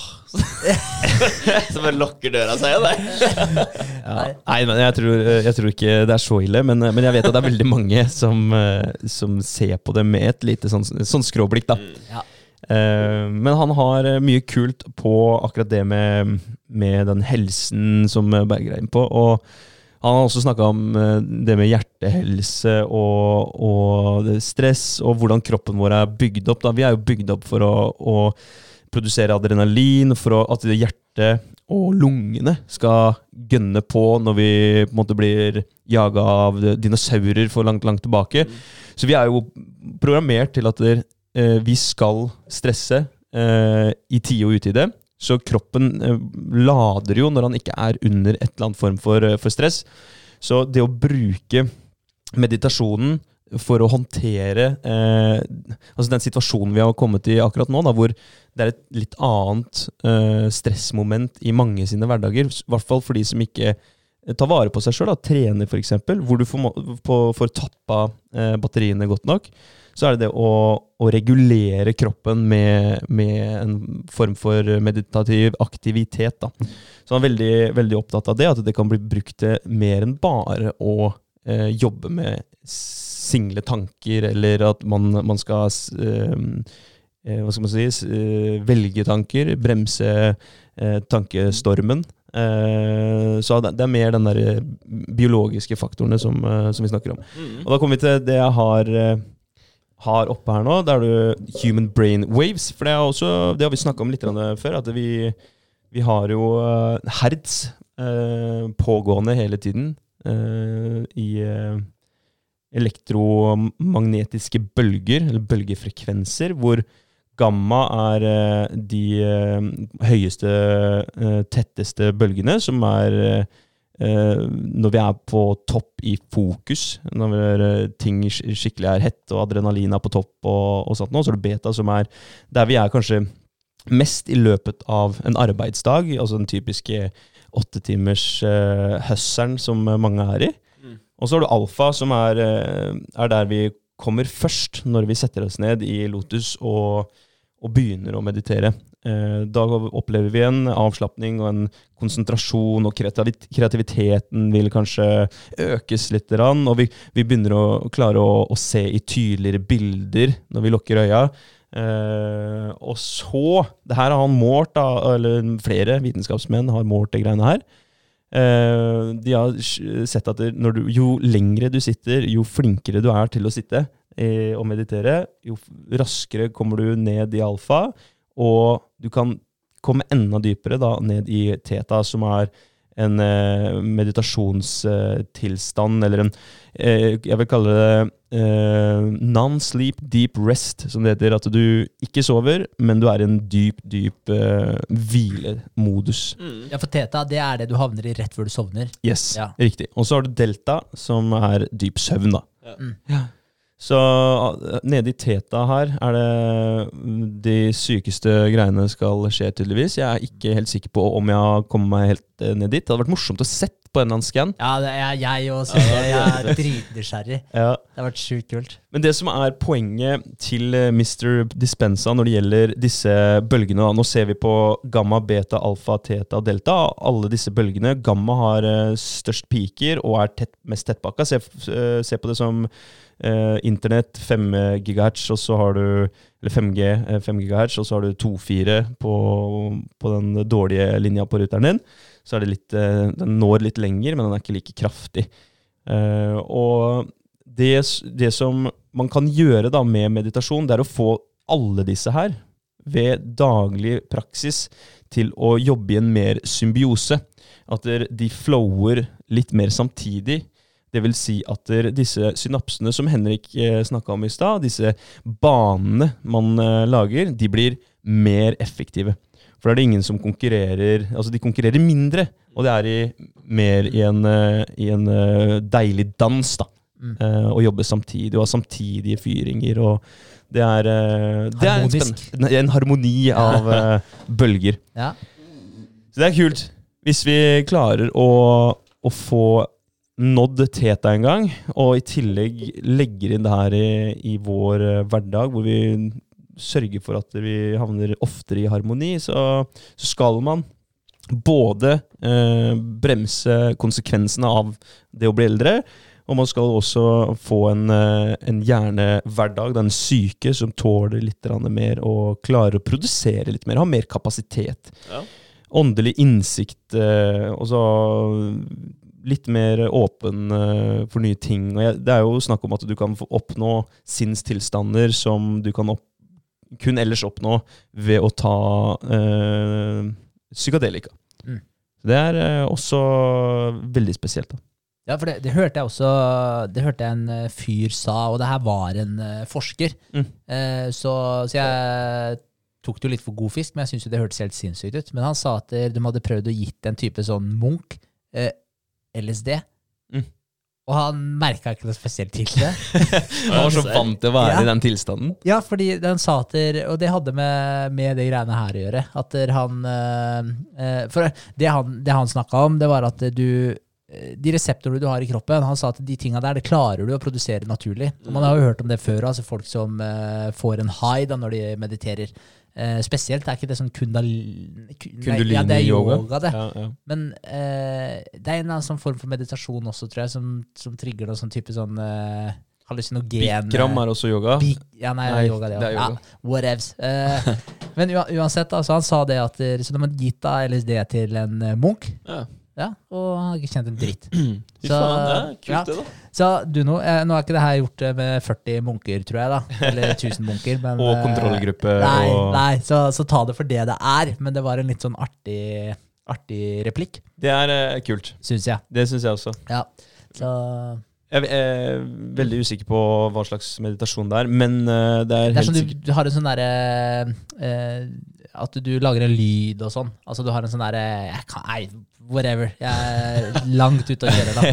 Ja, vi kan, vi kan, vi kan uh, se om det ikke dukker opp noe senere i, uh, i poden, for jeg, jeg har noen forskjellige typer typer uh, meditasjoner da, som vi kan gå gjennom. Mm. Eh, jeg skulle liksom gå litt til historien og meditasjon og sånt nå i stad, men eh, nå har vi bare blæsta gjennom her, så jeg, jeg bare tar en liten oppsummering. Altså, det vi kjenner best til, er kanskje hinduismen og buddhismen, buddha, altså munker som mediterer, og det er vel der mye av disse eh, aktivitetene kommer fra. Eh, selv om det ble brukt i en eller annen form i eh, antikken eh, også, av disse Sokrates og Platon òg. Men da, om- det var samme type, type meditasjon, det vites ikke. Men eh, de tenkte jo åpenbart ganske mye. Mm. Åpenbart. Eh, og så har du jo østlige og vestlige tradisjoner, eh, hvor de eh, østlige, som er eh, buddhismen eh, og hinduismen, hvor buddhismen legger vekt på meditasjon som en forutsetning. Typ i alle eh, buddhistiske miljøer. En forutsetning for opp, altså opplysning av bodhi. Altså møte Mr. Enhet, da. Eh, og hinduismen er eh, mer representert i sånn type yoga-variant, hvor utgangspunktet er i eh, kroppskontroll og pusteøvelser, Mm. og at det oppnås eh, eh, en meditativ tilstand eh, som en gradvis stansing av tankeprosesser og tømming av sinnet. Eh, og etter hvert skal man oppnå det som heter konsentrasjon, eller samadhi. Sant? Men er du, er du da i zen, liksom? Eller har du funnet chien din da, liksom? Hvis Ja, for zen, da må vi- stadiet? Eller, nei, da må vi bevege oss til Japan, for der kommer, eh, der kommer zen fra. Ja, Så det er forskjellige varianter da, eh, av eh, meditativ eh, eh, atmosphere, holdt jeg på å si, Ja. eller mm, tilstander. Så um, samadhi er den konsentrasjonen som hinduismen eh, lengter etter, og så har du eh, opplysning av bodhi som buddhismen, eh, som buddhismen ser etter. Mm. Og så har du en meditativ form i kristendommen også, som er eh, i stadiet før det som heter kontemplasjon. Og hvis jeg husker riktig, så er kontemplasjon det å em, Det å gruble etter noe dypere enn dypere mening. Eh, skal dobbeltsjekke det. Men det er det hvis det er contemplation. Ja, Så, er det så er det det. Jeg har bare ikke hørt det på norsk før. ja, Men, ja, kontemplasjon, en filosofisk grubling eller en fordypelse i et problem. Så meditasjon i kristendommen er en, en, et forstadie til det her, da. Da klargjør du deg for en eh, religiøs eh, grubling eller fordypelse. Mm. Yes. Ikke sant? Han, ikke eh, sant. Ja, han, han, eh, han eh, Joe Dispenza han starter jo dagen sin alltid med å meditere. Og han mediterer ikke på ei klokke, men han mediterer fram til han har på en måte overvunnet seg sjøl den dagen. Og det er litt kult. Så han, han mediterer fram til han merker at der, der slapp på en måte programvaren, om jeg kan kalle det det. Kult. Ok, det er Så han, han kan sitte ganske lenge, han da. Ja, han sier at eh, noen ganger så kan jeg gjøre det på kvarter 20 minutter. Andre ganger så kan jeg sitte i halvannen time. Det er egentlig litt kult, for jeg har uh, hørt på en uh, annen fyr som snakker om det her med å, å utfordre seg uh, sjøl. Jeg mener det var Andrew Huberman, men jeg er ikke helt sikker. Men det å utfordre seg sjøl med type kalde dusjer og bryte mønstre og sånt noe. Og, han, eh, og det her har jeg testa etterpå, men han uh, gjør noe av det samme. Han kaller det walls. Han, eh, sånn i forhold til kalde dusjer, som er det mest enk altså den enkleste måten å utfordre seg med en eh, en exposure eh, sånn i umiddelbar nærhet, for meg i hvert fall. Mm. Så det å stå, istedenfor å sette på klokka eller hva det måtte være, så, så står du eh, i så lang tid at du når x antall vegger. Så du, utfordringen din er ikke tida, men det er veggene. Altså det er de veggene du må bryte igjennom. Da. Så første vegg for meg er gjerne eh, det å skru på vannet, skru på det kalde. Bam, da har jeg tatt den første veggen. Og så står jeg kanskje i 30 sekunder, og så har jeg lyst til å trekke meg ut. Nei, jeg står. Det var den andre veggen. Mm. Og så kommer den tredje veggen, da, som er siste gang hvor du har lyst til å trekke deg ut, men du skal bare stå litt til etter det. Så jeg prøver å ta tre vegger da om, eh, om morgenen, og det kan du Nice. tenke om andre ting også. Ja. Men det er nettopp det at vi er ikke Det er ikke sånn at min kroppstemperatur eller min, eh, mitt mindset er likt hver eneste dag, så det er ikke alltid jeg trenger å pushe mer og mer og mer og mer. Fordi det som skjer da etter hvert, er at der, hvis jeg står i to minutter, og så 2.30, tre minutter, så kan jeg bare pushe den til en halvtime. Og så bruker jeg dritlang tid hver eneste dag på det greiene her. Ja, det er sant. Og det er unødvendig da, når man kan tenke på det som en sensasjon som du skal nå. da. Uh, og det blir uh, kanskje litt det samme som uh, Mr. Dispensa sier det. Ja, definitivt. Altså, jeg, den der digga jeg. Den skal jeg ta med meg også i de kalde dusjene mine. For jeg har også slutta å bruke klokka nå, så nå har jeg stått der inne til på en måte, ja, whatever. Men jeg har ikke tenkt på type vegger. Den, eh, den likte jeg. For det er som du sier, ja, for Mm. den første der, når du flipper bryteren, det er definitivt en vegg. Men jeg tenker også på en vegg som at For du står og spenner deg litt, kanskje. Mm. Slapper helt av. Mm. Får full kontroll på pusten. Mm. Kanskje det er um, også at Mm. der, uh, Ja, men kult. Det der skal jeg, det skal jeg ta med meg. Eh, det han, eh, det han eh, sa i forhold til det der med å meditere også, for å på en måte få full kontroll eh, Og det er jo også def, altså definitivt opp mot det du snakker om med type en vegg. Det er jo når du merker at sinnet ditt stilner. Mm. Og jeg testa der. Jeg, jeg hørte på, på Joe Dispenza. Jeg hørte jo ja, to av lydbøkene hans. Og hørte, hørte noen podkaster av han. Jeg syns han er sjukt fascinerende. Mm. Og, eh, og når jeg hørte det, så han har jo sånne guida meditasjoner som varer en eh, time, halvannen time.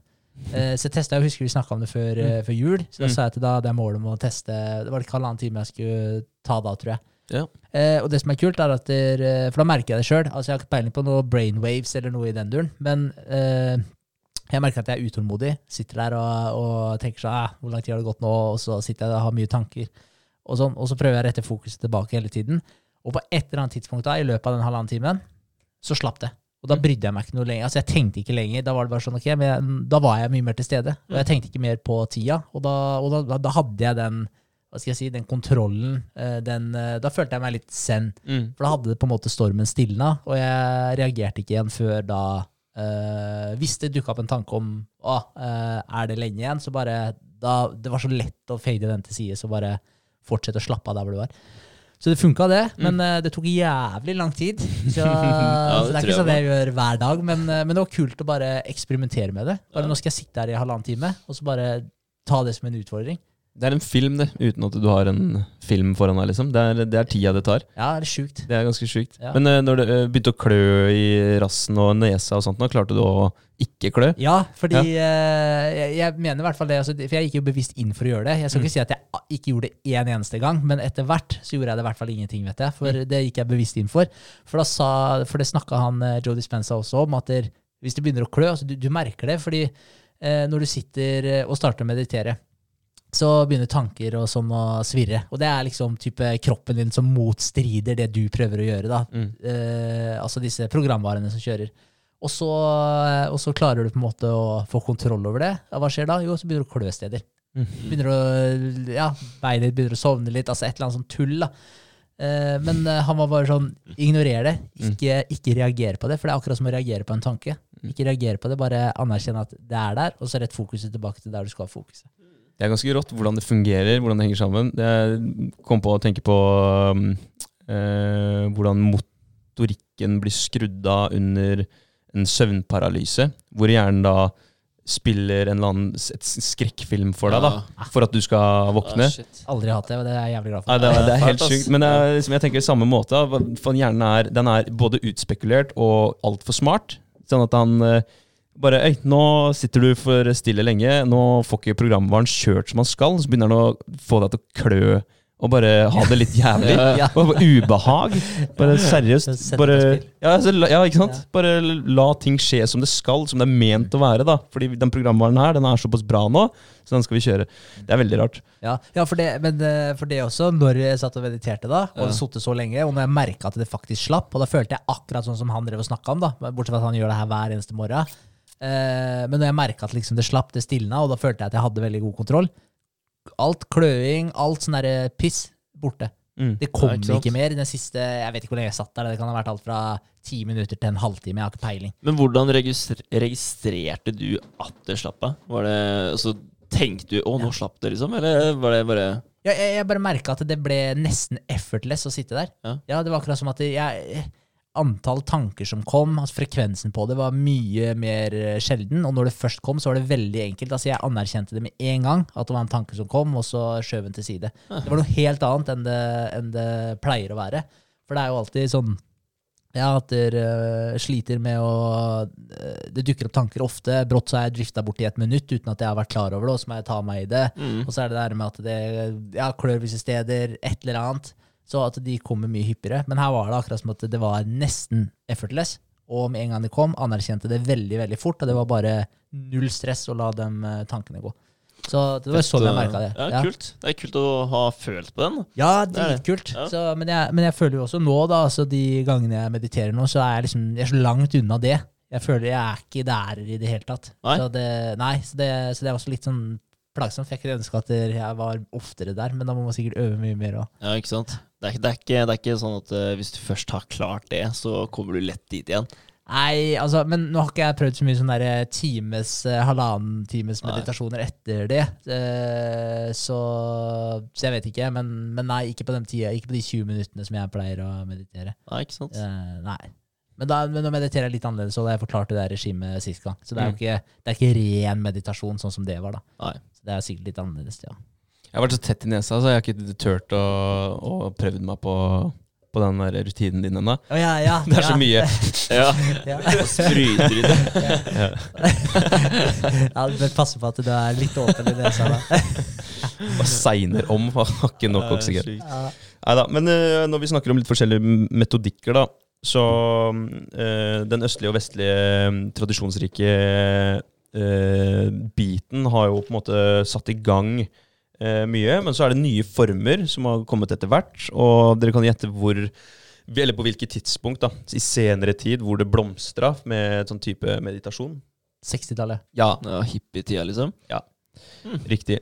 Da 60-70-tallet eh, så blomstra det for alternative former for religion og terapi.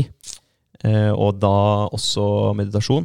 Yoga, nyreligiøsitet, alternativ terapi og psykologi eh, slo røtter tidlig 60- og utover 70-tallet. Og fra 70-tallet så er det utvikla flere sånne type sekulære uh, tradisjoner, eller um, teknikker. Så sekulært betyr at det er utenfor uh, religion, utenfor kirken. Blant annet da så har du mindfulness, som vi har hørt mye om. Og så har vi noe som har uh, utspring fra Norge, faktisk. Okay. En norsk uh, metodikk som heter ASEM-meditasjon. Jeg hadde aldri hørt om det før jeg sjekka det ut nå. Nei. Og det er en, eh, en ledighetsteknikk. Vi kan godt ta litt hva det betyr òg. Du har to uh, hovedvarianter av meditasjon, som er ledighetsteknikk eller konsentrasjonsteknikk. Så enten dypt fokus på en ting, eller, eller en mulighet for å fjerne fokus, eller eh, klarne opp, da. Få et ledig sinn. Mm. Så enkel måte å skille på, på de to. Og ASEM er ledighet, og det er en, en metode som innebærer at man repeterer et eller annet et ord eller en eh, ting oppi i, i sinnet sitt mens man sitter og mediterer. Og det er en, en teknikk som ikke det står så veldig mye om, fordi du må jo selvfølgelig kjøpe kurs eh, for å vite, vite er mer. Eh, og og det er, eh, er blitt en del en, en god business, for altså de tar ikke veldig mye for kursa, men de har kjøpt litt eiendommer da, fra 60-tallet og fram til nå. Og hvis du har kjøpt eiendom rundt omkring i Oslo og sånt nå på 60-tallet, så kan du banne på at det er ganske mye verdt akkurat nå. Ja.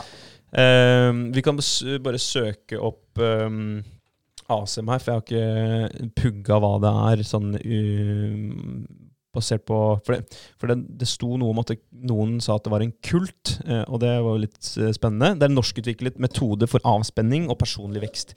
Teknikken er en såkalt lydbasert ledighets, ledighetsteknikk, og praktiseres ved at man gjentar en metodelyd i tankene så uanstrengt som mulig, mens tanker, følelser, stemninger og bilder får komme og gå som de vil. AC-meditasjon praktiserer gjerne to ganger om dagen, 30 minutter om morgenen og om kvelden. Det er ca. 60, ifølge asem.com, eh, 60 000 personer som har lært teknikken. Ehm, og hvis vi går og titter på ASEM Det ble stifta i 66 av psykolog og lege Are Holen. Og de driver med, med den type meditasjon. Og så de, er de kjent for et stort loppemarked på 70- 80-tallet i Oslo. Eh, organisasjonen tjente også penger på å drive asylmottak for staten. Og så er er det journalister som har, eh, har nevnt at de har, eller beskyldt dem for at de har unndratt skatt, eller at de ikke har betalt skatt, eh, på rundt 70 millioner kroner. Eh, men det avviste de, da. Uh, ifølge en mastergrad om ASEM skrevet i 2010 framstår ASEM som en kult, definert i denne sammenhengen som en organisasjonsform med en eh, pluralistisk tilnærming til sannhet, der den enkelte selv må finne sine egne svar. Uh, så det er, uh, det er estimert, estimert at de forvalter eiendommer til rundt en halv milliard i Ja. 2016. Det er fett. Det er fett at han har blitt utnevnt til ridder. da, Første klasse. Det er kult.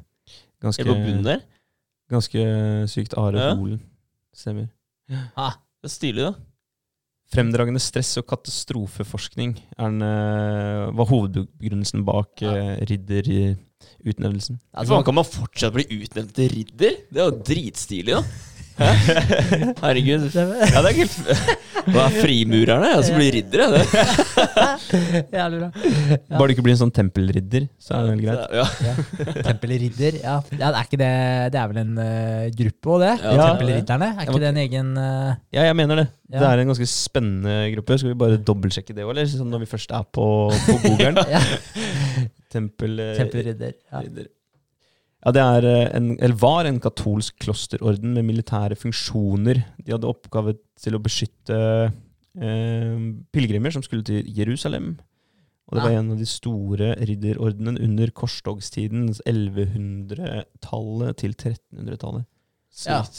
Ja, så det er nedlagt, da. Men uh, jeg, jeg mener at uh, han, uh, Anders Behring Breivik, var ikke han en tempelridder?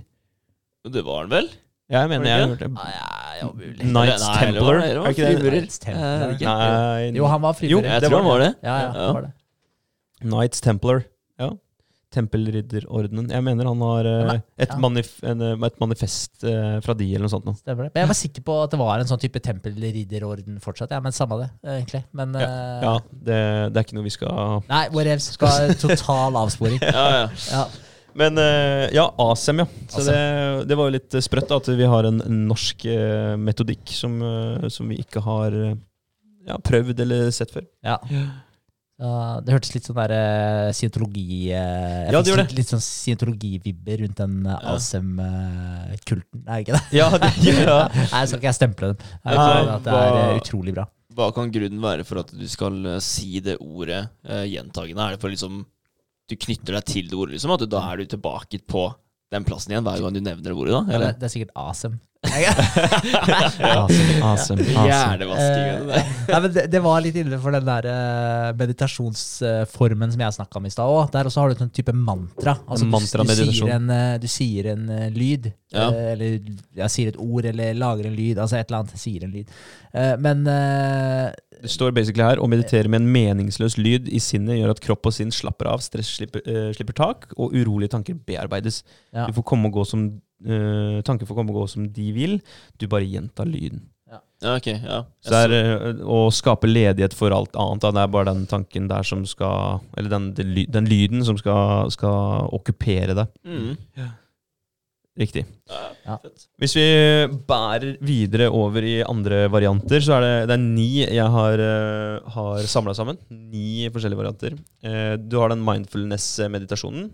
Eh, og det Jeg vet ikke, Har dere noen tanker hva mindfulness-meditasjon er? Det ligger jo i ordet mindfulness. Du skal legge merke til tankene dine, mer enn at du skal eh, bremse de eller skyve de bort. Ja, Så du skal embrace tankene dine? da? Skal du tenke over hvilke tanker du faktisk får inn? liksom? Og, Ja. Eller? Ja, du skal opp, være observerende. Være Ja. mer eh, Ja, bli kjent med dine egne tanker. Mm. Men det er vel også mindful. altså Jeg forbinder jo det med at du er mindful i hverdagen nå. At du er til stede, tenker jo jeg. Altså i forhold til mindful. At du, Mhm. ikke, at du ikke er fanga i tankene dine. da Men kanskje at du anerkjenner tankene. Hvor kommer de fra? At du er mindful om det. Mm. Men også at du er mindful at du er til stede rundt deg. Hvis jeg er mindful overfor Vegard, så anerkjenner jeg jo at Vegard er her, og at han er en fin fyr, og tar litt på han, og ja, er litt eh, til stede hos Vegard. Ja, takk. Ja, mindful om Vegard. Ja. Mindful om Vegard. Og så har vi spirituell eh, meditasjon. ja. Og den er jo til stede i nærmere all religion.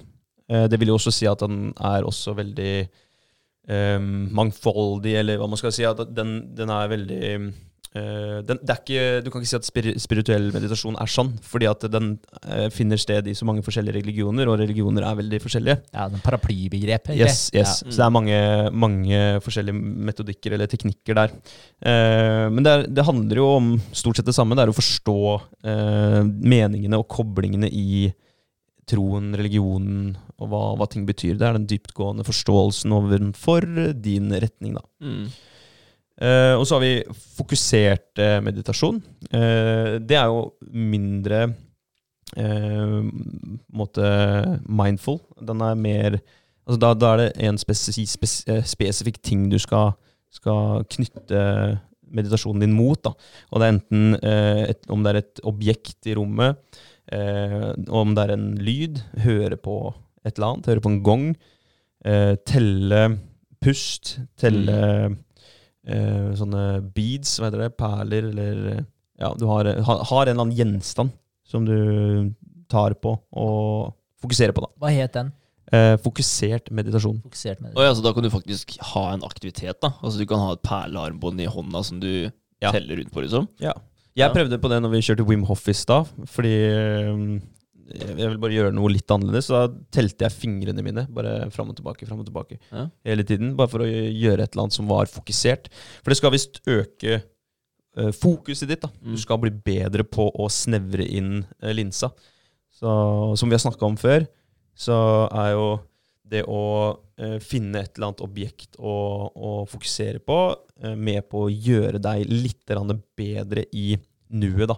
At du, du skiller ut uh, acetylkolin, som er eh, et uh, Altså det er et um, virkemiddel for kroppen til å faktisk være mer konsentrert. Det og adrenalin Mm. skilles ut uh, mer av da. Så her har du enda et hjelpemiddel da, på å, på å skille ut det hurtigere. Ja. Så fokusert meditasjon, kul uh, greie. Jeg snakka faktisk med en eh, på opptur i stad. Jeg sa jeg vet at hun eh, bedriver litt yoga, og har hørt at hun snakka litt om meditasjon. Så spurte jeg ja, er, du, er meditasjon, en stor del av, av hverdagen din. Ja, altså ja, jeg er egentlig en sånn buddhistisk Jeg er litt, litt der, liksom. Litt buddhistisk. Jeg har vært i Nepal og sittet med munker og stirra på et uh, tent lys. Så det var litt kult. Mm. Shit. Og, og der vi, vi fikk noen eh, gode samtaler rundt eh, meditasjon. Og um, det var derfor jeg søkte opp eh, i stad. Søkte opp skogsmunk. For hun har vært med noen sånne skogsmunker her i nærheten. Sånn, jeg tror det var Ås, hvor det er et sånt lite kloster. Eh, så man kan dra og meditere. Ah. Er det det? Mm. Så vi sier det? Jeg, føl, jeg føler liksom at hvis du skal treffe de ekte munkene, så må du liksom eh, til Balello, da. Ja, skogsmunk Ja, hørtes skogsmunk, veldig ja. norsk ut. Det, det det høres ut som et lite eventyr, liksom. Ja, det kan være kult, da. Det er jo Ja, det kunne vært uh, kult, men uh... Skogskloster.no. Eh, ja, men det er visst eh, Det er en type eh, Det er en eh, thai-variant, faktisk. ja, ikke sant. Thailand, Burma, Sri Lanka, Kambodsja. men, men, men da både, altså Hvis jeg skulle vært med på en eh, sånn type et skogsklostre, da er det faktisk nødt til å være en eh, haug med thaifolk der. Jeg, jeg kan Ja. ikke sitte der med ti blonde, blåøyde Kan ikke sitte der med han, liksom. jo, fader, du ser at han har meditert, da. Ja, men, men jeg tenker sånn at det er eh, litt for troverdigheten, da. Ja. Det, det må være noen av de eh, hva skal jeg si, som har drevet den eh, originale meditasjonskunsten videre Ja. til skogsklosteret. Ja, jeg, tenker jeg, da. Jeg er enig. Men han, han vi ser på nå, han, han ser jævlig blid ut, da. Han ser jævlig blid ut. Eh, jeg skulle gå videre til eh, bevegelsesmeditasjon, jeg nå. For nå er vi ferdig med å se på skogsmunker. Ja. Eh, det er jo en type Altså, det ligger i ordet, det også. Veldig. Det er en type yoga. Bevegelsesmeditasjon. Eller det kan være vandring. Du kan gå deg en tur. Det kan være en form for meditasjon. ja, Joe Dispenza har faktisk sånne walking meditations. Ja, ikke sant? Ja. Fett. Mm. Bra. Og det kan være hagestell, hagearbeid. Ja. Som vi snakka så vidt om i stad. Tai chi, eksempel. Det, er, det kan sikkert være akkurat det du vil at det skal være, bare du er bevisst på hvorfor du, du gjør det du gjør, Mm. Ja. tenker jeg. Så det er litt sånn derre Står opp om morgenen, eh, går ut med kopp kaffen og titter på drille, den lille vanndammen med fisk du har da i hagen, og du bare kobler av på en fin måte da, liksom. Ja. Det, det er meditasjon, da. Ja, basically. Hvis Ja. du Hvis ikke du står og tenker på alt mulig annet Nei. eh, shit du Ja. er stressa, da. Men hvis Ja. du er til stede i Mm. nuet, Ja. så er det vel, eh, går det vel fint under kategorien Ja. meditasjon. Mm. tror jeg jo. Absolutt. Um, og så har vi mantra. Det snakka du litt om i stad. Ja. Mantrameditasjon. ja, men da er det sikkert det jeg mener. Mantrameditasjon. Så det heter det, altså. Mantrameditasjon. Ah. Det er en eh, repetativ lyd for å klarne tankene. Ja, Men det er ikke hel, altså det er ikke, det er ikke kontinuerlig lyd. Det er sånn innimellom, er det ikke det? Eller? Er det? Om, det er den, blant annet. Ok, men er, altså den er kontinuerlig? Du, det er sikkert flere varianter. Ja, ok, for den her var ikke kontinuerlig. Men samme det. Ja. Samme det. Han har noen spesielle lyder i de Dispensa-videoene sine. Ja, Som, uh, som går om og om igjen. ja. Han har noen sjuke. Det er nok noe In space! ja. Serr? ja, ja, de er helt Ja, det er de meditasjonene. De tar helt av. Altså, hvis du går eh, inn i en mantra-meditasjon, så er det, det Det høres ut som det er litt det samme som ASM. At Mm. det, det er en variant av I og med at det er en eller annen lyd. Men her er det jo en lyd du lager utad, mens Mm. ASM er en lyd du lager her oppe. Mm. Ehm, vi går over på nummer seks. Transcendental meditasjon. TM. Har dere hørt om det før? Ja, Ja. men jeg vet ikke hva det innebærer. Om eh, det. transcendental. Det er jo en sånn type utenomjordisk eh, Eller ikke utenomjordisk, men eh, Kroppslig. utenom kroppslig, ja. Ja. Det, det kan sikkert være utenomjordisk også, at du forsvinner ut in space eh, og bare svever der. Mm. Eh, for det er, det er nettopp det der, at du, du oppnår en dypere form for meditativ tilstand, hvor du eh, ja, har en ut av deg sjæl-opplevelse. Ja, ok. Men det har vi faktisk snakka om uh, før. Å Mm. sitte og meditere og klare å se på deg selv faktisk sitte der. Mm. Ja. Det er nok en uh, transcendental uh, meditasjon. Uh, jeg har aldri fått til det. At jeg har sett på meg sjøl, vært vitne til mitt eget liv, på en måte. Nei, men du klarer å se det hvis du prøver. Altså, men ikke, nå snakker jeg ikke om å ha en ut av deg sjæl-opplevelse, men nå snakker jeg om å visualisere Ja, ja. Mm. deg sjøl utenifra. Ja, det klarer jeg jo. Ja. Det klarer jeg. Og, og liksom trekke meg sjøl ut av, av rommet, på en måte, eller ut i rommet, da, og så se Ja. at jeg sitter Ja, men jeg klarer ikke å, å forsvinne ut av kroppen og flyte rundt og besøke naboen og sånt, og det klarer jeg ikke. Ikke. Nei, men det er vel det som er tanken med det her, eller at du visualiserer det? Det er ikke sånn at de mener at du faktisk klarer å Litt sånn som han øh, i den julefilmen, vet du. Han som øh, får de der tre Ja, spøkelsene på besøk. Stemmer det. Ja, det er det du skal klare. Han, øh, han er Det er helt sjukt, da. Onkel. Skrue? Ja, nei, ja. Nei, det er den Scrooge-greia. Scrooge, ja. Scrooge. Ja, er det ikke det? Jo, men du har jo Scrooge den McDuck? Ja, ja Jo, Du det har en Donald Duck-versjon, Ja, ja. det har du faen det? meg. Ja, det er det det sant. de har sagt. Ja. Er det dere snakker om, Ja, boys? Originalen har vi Ja, sett. Nei, faen, jeg snakker om Donald Duck hele veien der, altså. Så jævlig bra. Ja, det, så det er, den er basert på en film? Altså. Nei, ok, da, da lærte jeg noe nytt i dag. En gammel, god film. Ja. Ja.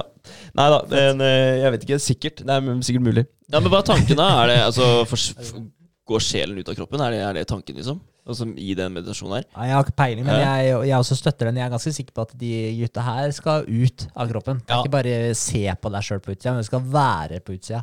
Ja, men Hvis Jeg mener at det her faktisk funker, så er det helt sjukt, da. Ja.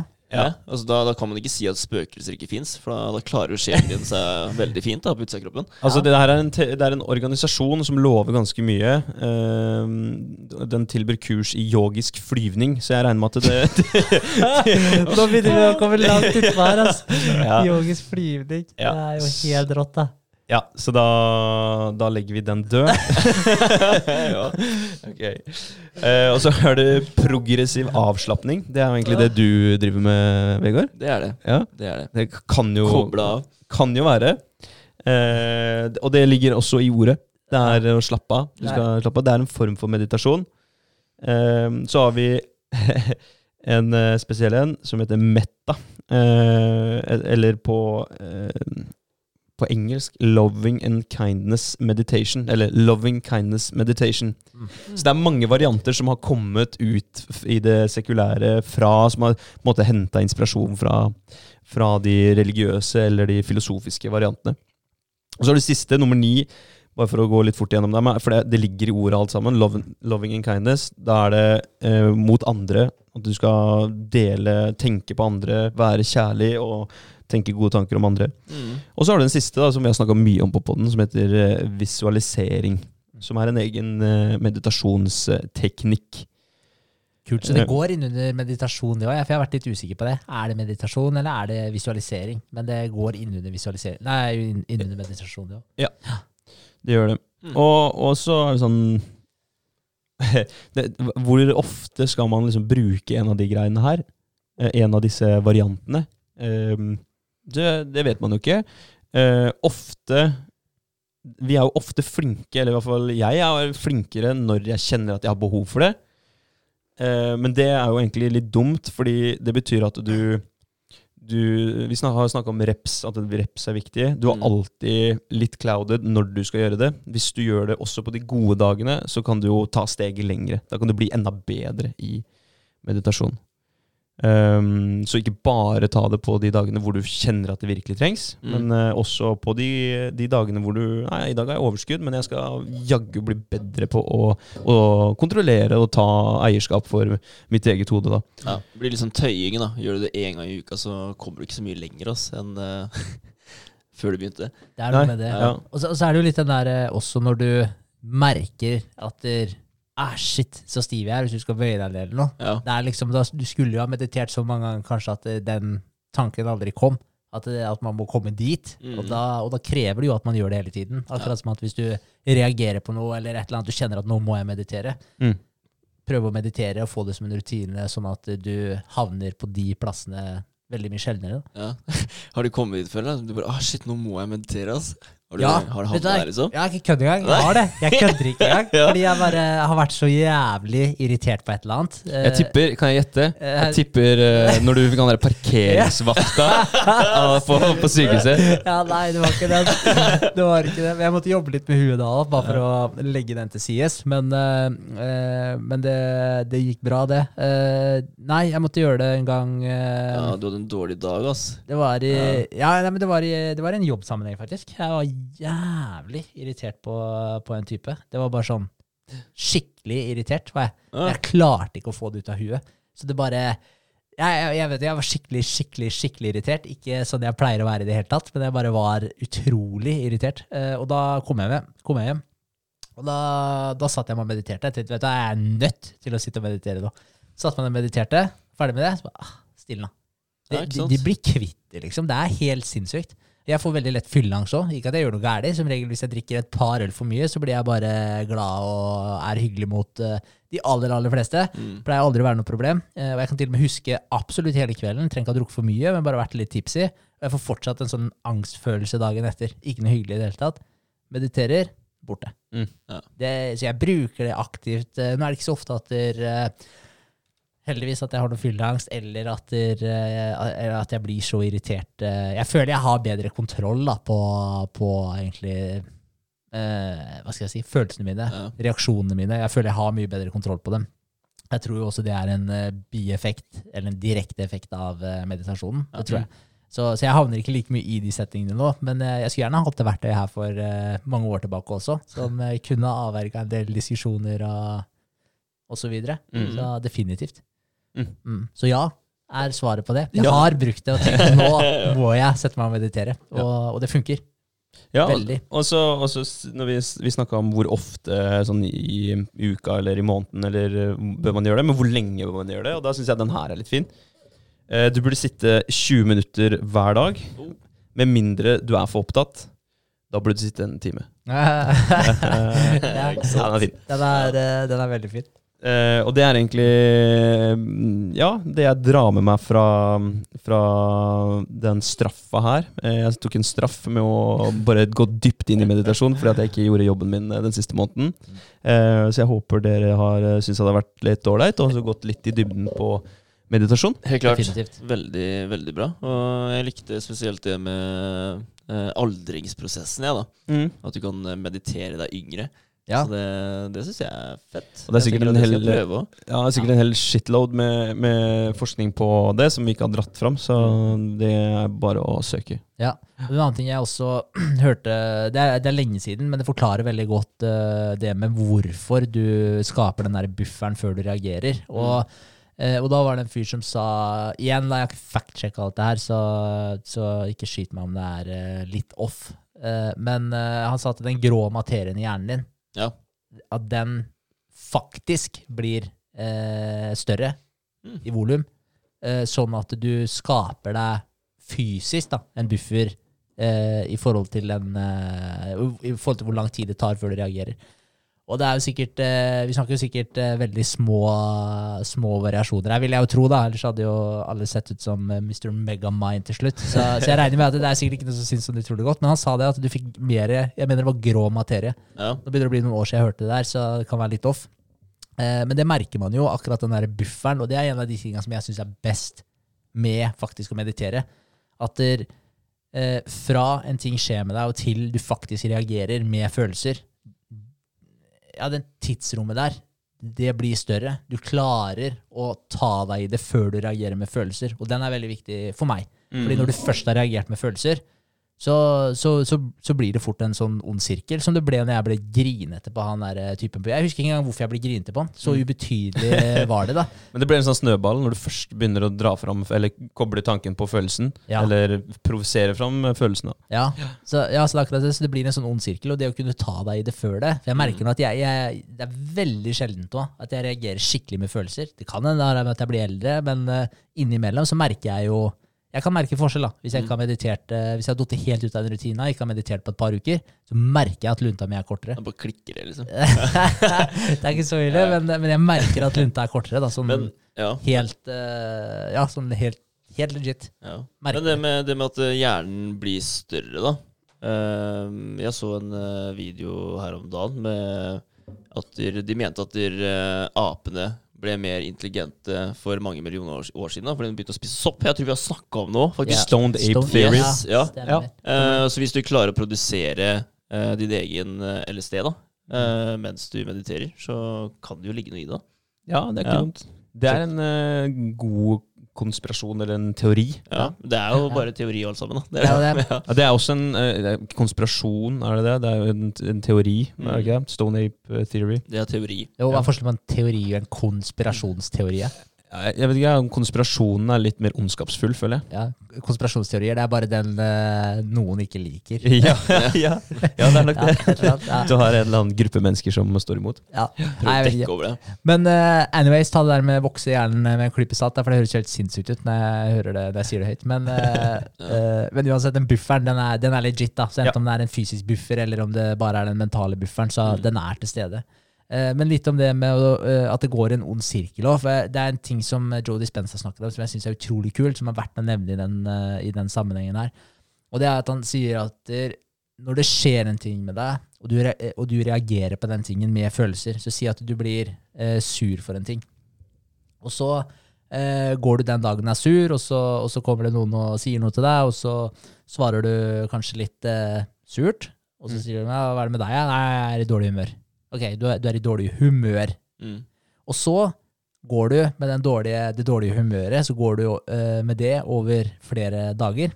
Uh, og så uh, er det noen andre som spør deg. ja, eller, altså, eller noen andre som sier hva, 'hva er det med han', liksom? Nei, han er, han er gretten, liksom. Altså, da har det, gått over til å bli et mer temperament.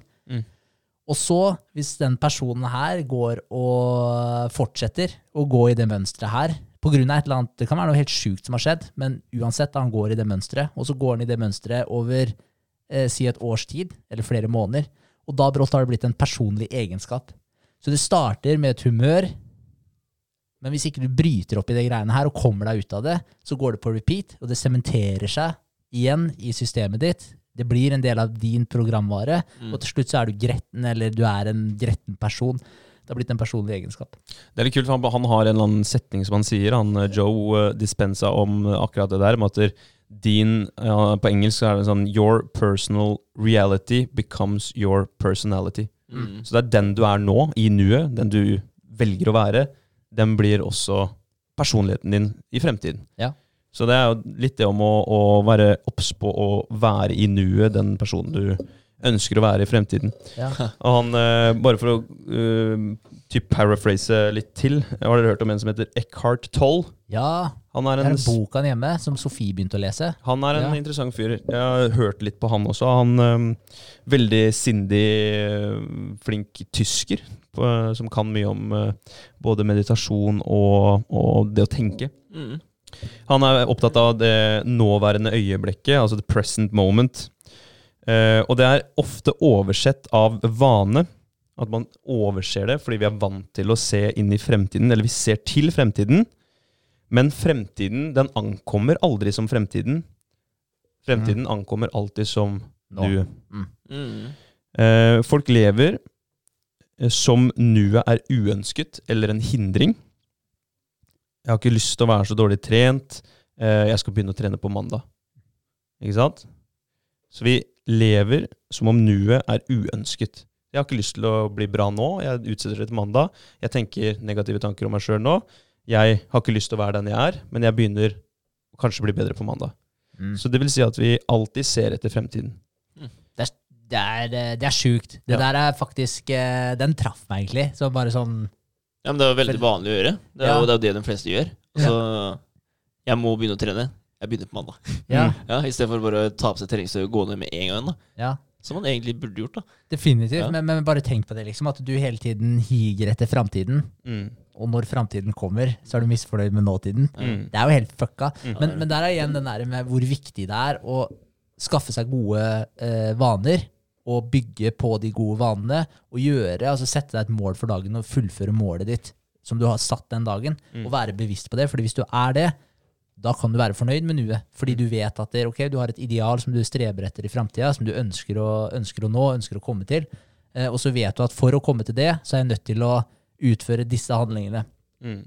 hvis du utfører de den dagen da, og du kan krysse av det på lista di når du går og legger deg om kvelden, så kan du være fornøyd med nuet. Mm. Jo flere av de dagene her du stacker opp, akkurat som vi skriver etter hver pod, da, vinn dagen, vinn uka, Mm. fordi da vinner du måneden, og så vinner du året, og Mm. da er du fornøyd med nuet ditt.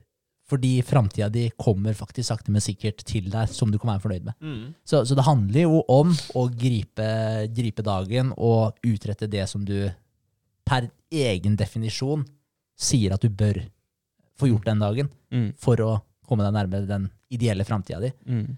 Så ja. Framtida blir eh, til syvende og sist nuet. Ja. Så det, det, det gjelder å nyte nuet Ja, og ta godt vare på de, de minuttene vi har. Så det er, eh, det er kult. Fett. Fett. Yes. Bare runde av på Eller ta Ja. kjapp eh, recap på eh, status. Ja, vi kan gjøre kan, eh, en, en liten mini-challenge her. Skal vi prøve ti sekunder? Ti sekunder uten å tenke en tanke. Klarer vi det? Nei, det går ikke. Det går ikke? Ja, det er vanskelig. Jeg begynte å tenke akkurat i det du sa. Nei, vi driter i det. Og altså, vet jeg ikke om lytter Uh, Det er ikke kvalitet på lytterne. Nei, nei. Vi har mista 90% av lytterne per nå, etter at vi begynte å snakke om skogsmunker og Nei, altså, det var jo det morsomste. Flyvende yoga. Flyvende yoga. Flyvende yoga. Ja, yoga. Ja. Eh, men jo, vi holder jo på nå. Vi er jo på vei med å begynne å ta etter hvert kontakt med noen investorer. Pitchen er eh, ferdig. Ja. Eh, og Så vi skal ha en prøvepitch for eh, Smart Innovation Norway, et par stykker der. eh, og få litt feedback før vi begynner å ta kontakt med de faktiske pipsa som eh, vi ønsker at skal eh, investere i Nutriors. Mhm. Eh, Vi har Ja. ikke fått noe svar ennå, har vi det? På tid? Nei, vi har ikke Nei. det. Så det, er, det blir den eh, uka her, er planen. da Ja. Så, så fremst ikke eh, de har helt fullstacka kalendere. Ja. Det kan jo hende. Det den, kan kanskje. Ja, Så da holder jeg på å egentlig redesigne mye av flyten i appen og de nye tinga som vi skal ha inn, med altså de investorkronene, sånn at det hele flyten er klar mm. til det skjer. Det tar Og- skikkelig form òg. Ja, det, ja, ja. Ja. Eh, Det, det har blitt en helomvending altså, på appen. Det det. Og det, ser utrolig bra ut nå. Ja, jeg syns det er eh, dritkult. Så men nå blir det igjen, da. Så sitter jeg og ser på det, og så ser jeg på det vi allerede har laga, så er jeg bare sånn ah. Ja. Det skulle vært mye bedre. Ja. men, eh, men sånn vil det sikkert alltid være. Ja. Uh, ja, nei, Så det er det eh, tida går i. Vegard jobber med markedsstrategien. Ja. Ja. Og ja, det er jo egentlig det. Vi er veldig oppdatert på nettsida, og den uh, turen går. Ja. Det gjør den. Så det er sikkert ikke så fryktelig lenge igjen, vil jeg tro. Nei, det er ikke lansert ennå, eller? Den uh, bed and eh, breakfast? Nei da, det, det tar tid. Det tar Ja, tid. ja. Men uh, det er mye, da. Det er mye greier han er nødt til å gå gjennom. Og det ble nok eh, mye mer for han enn det han så for seg at han Herregud, skulle gjøre òg, vil jeg tro. stakkars. Ja, det er rart han ikke er blitt frustrert, egentlig. Ja. Men uh, det er jo bare veldig bra for oss. Eh, så han er game, han. Det er bra med en tydelig kontrakt om hva som skal leveres Ja, for pengene. Ja, og det var jo det her vi sa. Mm. Altså, det er jo ikke sånn at vi har lagt på masse greier, men det har dukka opp ting som ikke har vært ordentlig definert, som da har skapt litt uh, merarbeid. Men, uh, men alt var skrevet faktisk i det dokumentet, så jeg vet ikke hvor godt han egentlig leste det hele, kanskje. Så det, så det, så det går sikkert litt begge veier. Ja. Men, uh, men ja, men det er litt kult den markedsstrategiplanen som Vegard skriver òg, for det er jo egentlig Jeg, jeg syns jo det er dritkult. Det er Mm. egentlig planen for å nå ut til markedet. Så da er det segmentering av markedet. Og så er det hvilken eh, målgruppe vi skal targete først, og hvordan vi skal gjøre det. Og så blir det å eh, legge planen da, i forhold til hvordan skal vi nå den målgruppa under utviklingsperioden. Eh, hva skal være klart til lanseringsdato. Eh, ja, hva skal skje rett etter lanseringsdato, og hvordan skal man eh, ja, gå videre derfra. Ja. Og det går jo også opp mot eh, igjen den boka som egentlig begge leser, Mm. Mm. 'Crossing the Chasm'.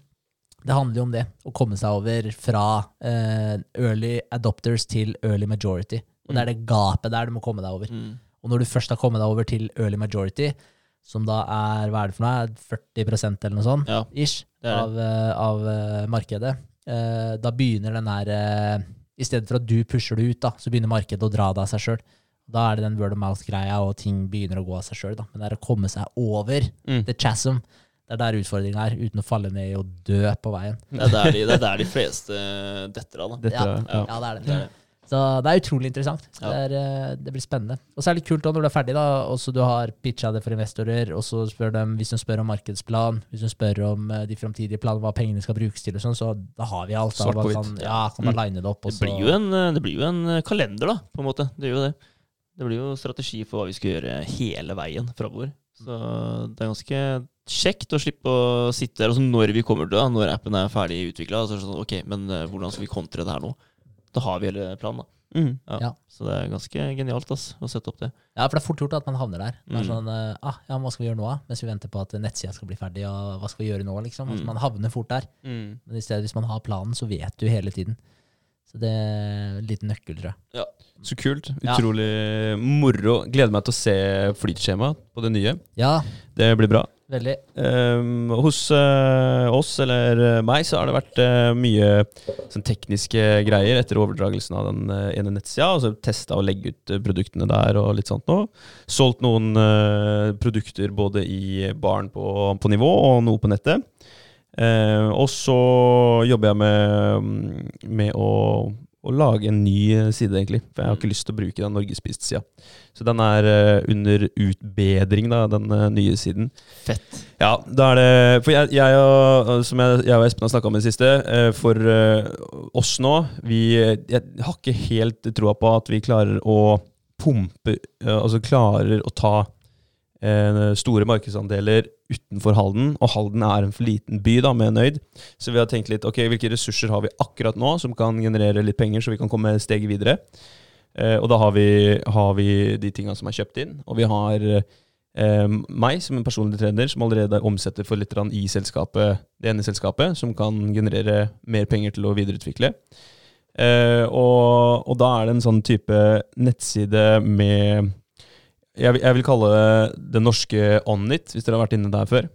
Ikke det norske Onnit, men Nei, men Onnit. Onnit, ja. Ja, Onnit.com. Ja, lage, ja, du, ja, nå var jeg treig. Ja, du lage mente at det typ den, ja, Ja. lage den type den norske Onnit, hvor du kan tilby litt, eh, litt av hvert, da, med både produkter og, og tips. Gratis, eh, altså zero cost consumer information, som det heter.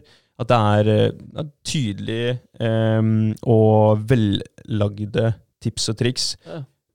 Forkorta, basic, så alle kan skjønne det. Ikke noe sånn eh, Instagram-babes, eh, sånn for du stor rumpe, men ja, hvordan kan eh, en eh, vanlig nordmann da bli litt bedre, eller mye bedre, eller eh, helt jævlig rå, da kan du gå på en annen side. Men eh, litt bedre.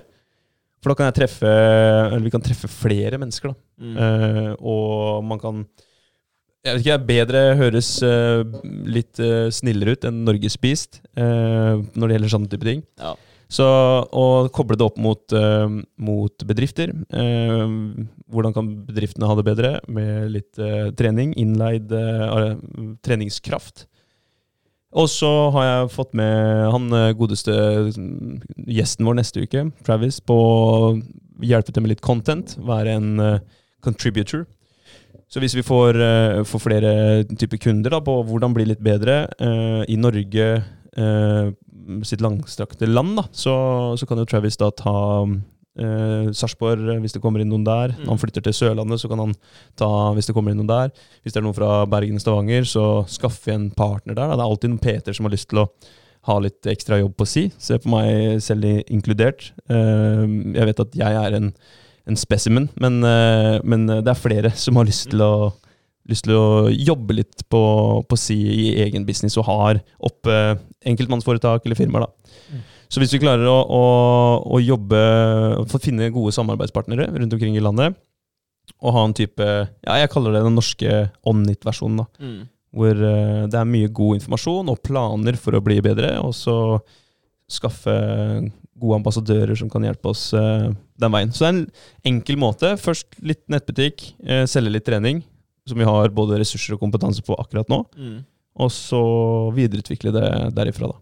Fett. Så det er egentlig uh, en Ja, en eh, Hva skal jeg si, en, en springbrett for uh, fornøyd, da, for å få litt penger. Mm. Mm. Så Men det er dritkult. Altså, jeg, har, jeg har trua på det. Altså. Jeg har det. Skikkelig. Jeg tror at det, det kommer til å gå Det kan bli spennende. Ja, ja. Det, det er kult. Vi har vi opptur som en aktør allerede, som er, hjelper folk til å bli litt bedre. Mm. Og som uh, gjør at firmaet tjener penger, og vi betaler regningene våre med, med inntjente penger. Så det, det er deilig. Det er kult. Men jeg- det jeg liker veldig godt da, med type bedre, nøyd, hele konseptet, egentlig, er at det, at det flyter så godt sammen. da. Ja. Eh, det det syns jeg det er kult, og det er jo selvfølgelig fordelaktig også. Altså, Da blir det en helhet. da. i Symbiose hele- der også. Ja, Mm. Ja. Så, det er, eh, så det er kult. Så nei, Det høres ut som dere har en eh, fin plan. da.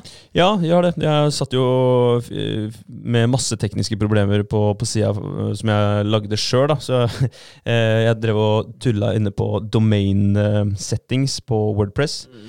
Og så klarte jeg å Jeg tenkte jeg, jeg har lyst til å endre domenenavnet, bare for å få Ja, altså bruke den sida her til bedre, da.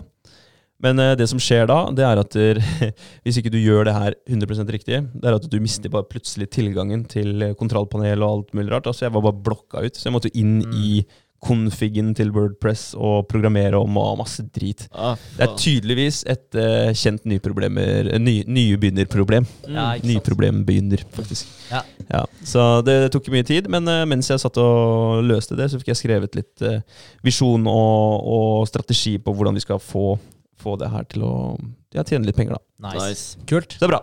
Fett. Vi går framover. Det går framover. Ja, det er bra. All right. Yep. Da har vi hatt en lang pod eh, i dag, da. Ja. 1,47 om meditasjon. Det er ikke verst. Det er ikke dårlig. Da er det bare å lese på og meditere på. Ja. Mm. Det er det. Vinne okay. dagen. Vinn dagen, vinn uka. På Yes. gjensyn. Ja, takk for i dag. Takk for i dag. Takk for i dag.